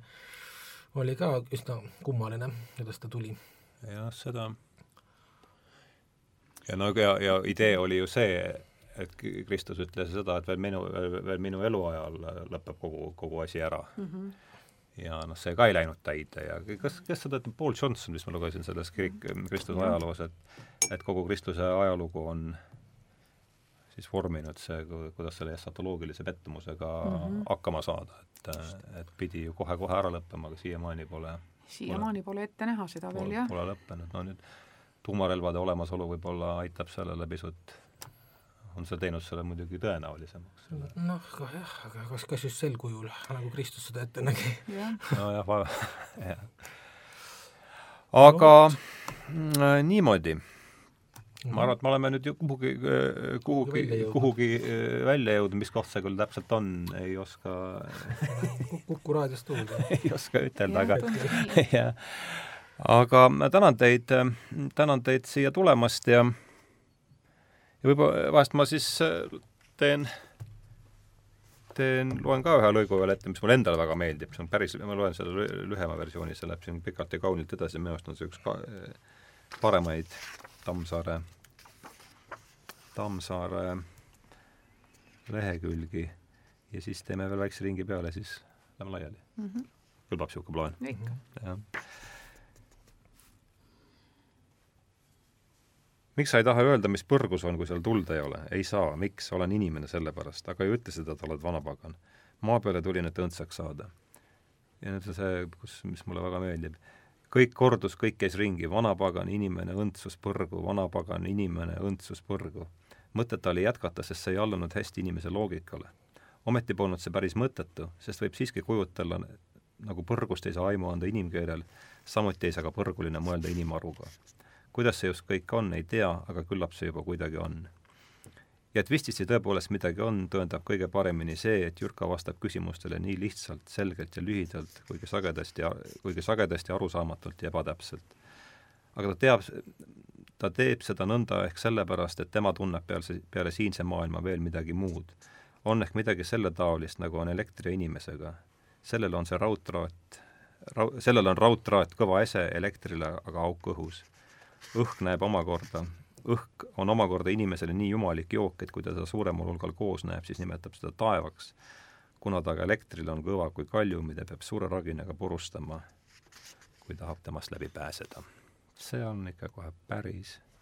see on ilusti öeldud. see on väga ilusti ja, öeldud. jah. ja see läheb edasi veel, ma ei no hakka ja, ja, ja see, see, et vot kus see, ma panin selle ära. sealsamas oligi vist? sealsamas oligi jah, ma panin ta kinni no,, aga las ta siis olla see mm. -hmm. aa ei, see leidsin üles äh,. oota, loen sellele, selle lõpu siit ka, aga mis oleks, kui inimese tegevust vaatleks selline võimas ja igavene olend nagu elekter, kes põhjavalgusel ratsutades tunneb mitte ainult inimese saamist ja sündi, vaid ka kogu maakera kihte ja koopaid, ilma et tal tarvitseks uurimusteks visata ainustki labedatäit mulda sellise olendi silmas oleks inimene arutum kui rohutirts või kui tuul, tuli ja vesi. sest võib aru saada, kui purustatakse, aina purustatakse või ehitatakse, aina ehitatakse. aga võima-, aga on võimata mõista olendit, kes täna ehitab ja homme purustab ning tunahomme jällegi sedasama uuesti ehitab. see, kes nõnda toimib, on arutu nagu looduski tema ümber või kui tal oleks aru, siis peaks see olema midagi vahelduva elektrivoolu taolist kuidagi kõlab sellisest Tammsaare testamendina nagu päris äh, kenasti minu jaoks vähemalt. jah, ehkki ta ei ole Tammsaare testament, siis Tammsaare kindlasti kavatses edasi töötada no, juht, juhtus niimoodi. juhtus niimoodi, jah. aga sa ta ütlesid, et ta tahtis seda kaupmehena tuua veel? jah, sellest on juttu olnud, et tal seda oli nagu plaanis seda teemat jätkata, et Jürka tuleb nagu veel kaupmehena ja siis võib-olla veel kellegina, et, et tal oli ikka plaanis selline nagu sari, vanapagana seiklused maa peal aga, aga, aga jah, jäi nagu ainult see ja ausalt öeldes ega ma ei kujutakski ette, et mida tal oleks siis nagu järgmine kord teistmoodi öelda või et, et laias laastus oleks ju ikka, ma kujutan ette, et Jürka tuleb, üritab olla aus ja, ja ümbrus on tohutult oleks... sulisid ja ebaõiglasi inimesi täis ja et, et kuidas seda nagu nüüd no, värskelt teha. nagu nende, nagu nende Hollywoodi filmidegagi on, et see tõmmisa ei ole ikka, ei ole enam see nojah, võib-olla Tammsaar oleks mõelnud midagi geniaalset välja, aga, aga niimoodi jah, mina ei oska ette kujutada seda Marju, lõpetuseks midagi? no mis ma oskan öelda, tähendab, sa rääkisid elektrist ja kui ma hakkan mõtlema, et millised loodusjõud on olnud nii-öelda kõige eh, nii-öelda monoteismile või jumalale lähemal, eriti siin Põhja-Euroopas, siis tõenäoliselt see on olnud väike. Toori ja väga paljude teiste tegelaste mm., väga paljude teiste tegelaste, ütleme niimoodi, prototüüp ka Eesti vanemas rahvausundist on äikest peetud jumalikustatud kõige kõrgemaks loodusjõuks, nii nagu Balti rahvastel. saate võiksime teha. räägi sellest, see tundub, võtame mõne füüsiku ka punti ja sellest võiks sellest võiks teha, sellepärast et eh, kui nüüd sellel eh, teadlaste ööl oli mm, ahaa, selles, mitte ahaa keskuses, vaid eh, Tallinnas siis, siis me tegime selle juba, nii et, et minu jaoks on see natukene läbikäidud teema. ma kuulaks huvi, kes aga, see teine veel see, see ühesõnaga me tegime, see oli ahaa, tähendab, see oli see teadlaste ööelektri teema, mida siis meie energiaavastuskeskustes tehti ja seal me rääkisime ka sellest ühesõnaga, et kuidas see taevane välk ja, ja Pikne äike on, on saanud jumalaks, aga kui mina oleks Tammsaare, siis mina vanapagana paneksin mingisse sellisesse rolli tema järgmises äh, teoses, nagu praegu oli Kavalants ja vaadata, kas ta nii-öelda vastupidises hmm., vastupidises rollis saavutab seda, mille pärast ta tuli, ühesõnaga ta ühtepidi proovis õndaks saada, ei õnnestunud, et kui ta nüüd tuleks niimoodi teises rollis nii-öelda siis ütleme sisuliselt kandes samu iseloomuomadusi nagu Kavalants, kuidas tal siis läheks ja ma ennustan, et ta tuleks võib-olla veel kolmas kord ka. et ega ta ikka õndsaks ei saaks. no nii äh mitte, et ma seda tava oleks järginud, aga ma mõtlesin, et ma seekord teen seda, et üldiselt on, ollakse arvamusel, et äh, saate lõpus peab ikkagi andma armsale ilmarahvale selgeid juhiseid, mida, mida siis nüüd kuulus kõrvale, kõrva taha panna ja kuidas käituda, et teeme selle ringi ka veel peale, siis paneme tõesti mikrofoni kinni. no kui me siin Tammsalest rääkisime, siis tore oleks, kui kõik inimesed, kes meid nüüd kuulavad, loeksid Tammsaret, et siis nad äh, oskaks teinekord ka kaasa rääkida ja saaks aru, millest meie täna rääkisime ja et väga raske on rääkida kirjandusteostest, mida, mida ei tunta ja ei loeta, nii et äh, soovitan soojalt, niisugune liht-, lihtne nõuanne, lugeda Tammsaret. see on tõesti lihtne ja ellupidav nõuanne, suurepärane. Marju ja mina võib-olla äh, soovitaksin seda teha koguni niimoodi näiteks, et äh, sõpruskonnas äh, võtta üks teos läbi lugeda, istuda täpselt samamoodi ja arutleda, sellepärast et välja öeldud mõtted peegeldavad tagasi ja võib-olla see aitab meil paremini õndsaks saada, saada paremaks inimeseks. Kuulge, see oli ju väga kena kokkuvõttev ring ja tänan teid saatesse tulemast eetris oli Tähenduse teejuhtide järjekordne saade. täna rääkisime Anton Hansen Tammsaare viimasest romaanist Põrgupõhja uus vanapagan ja minu saatekülalisteks olid Marju Kõivupuu ja Andrus Kivirähk ja mina olen saatejuht Ardo Pajula. tänan teid kuulamast!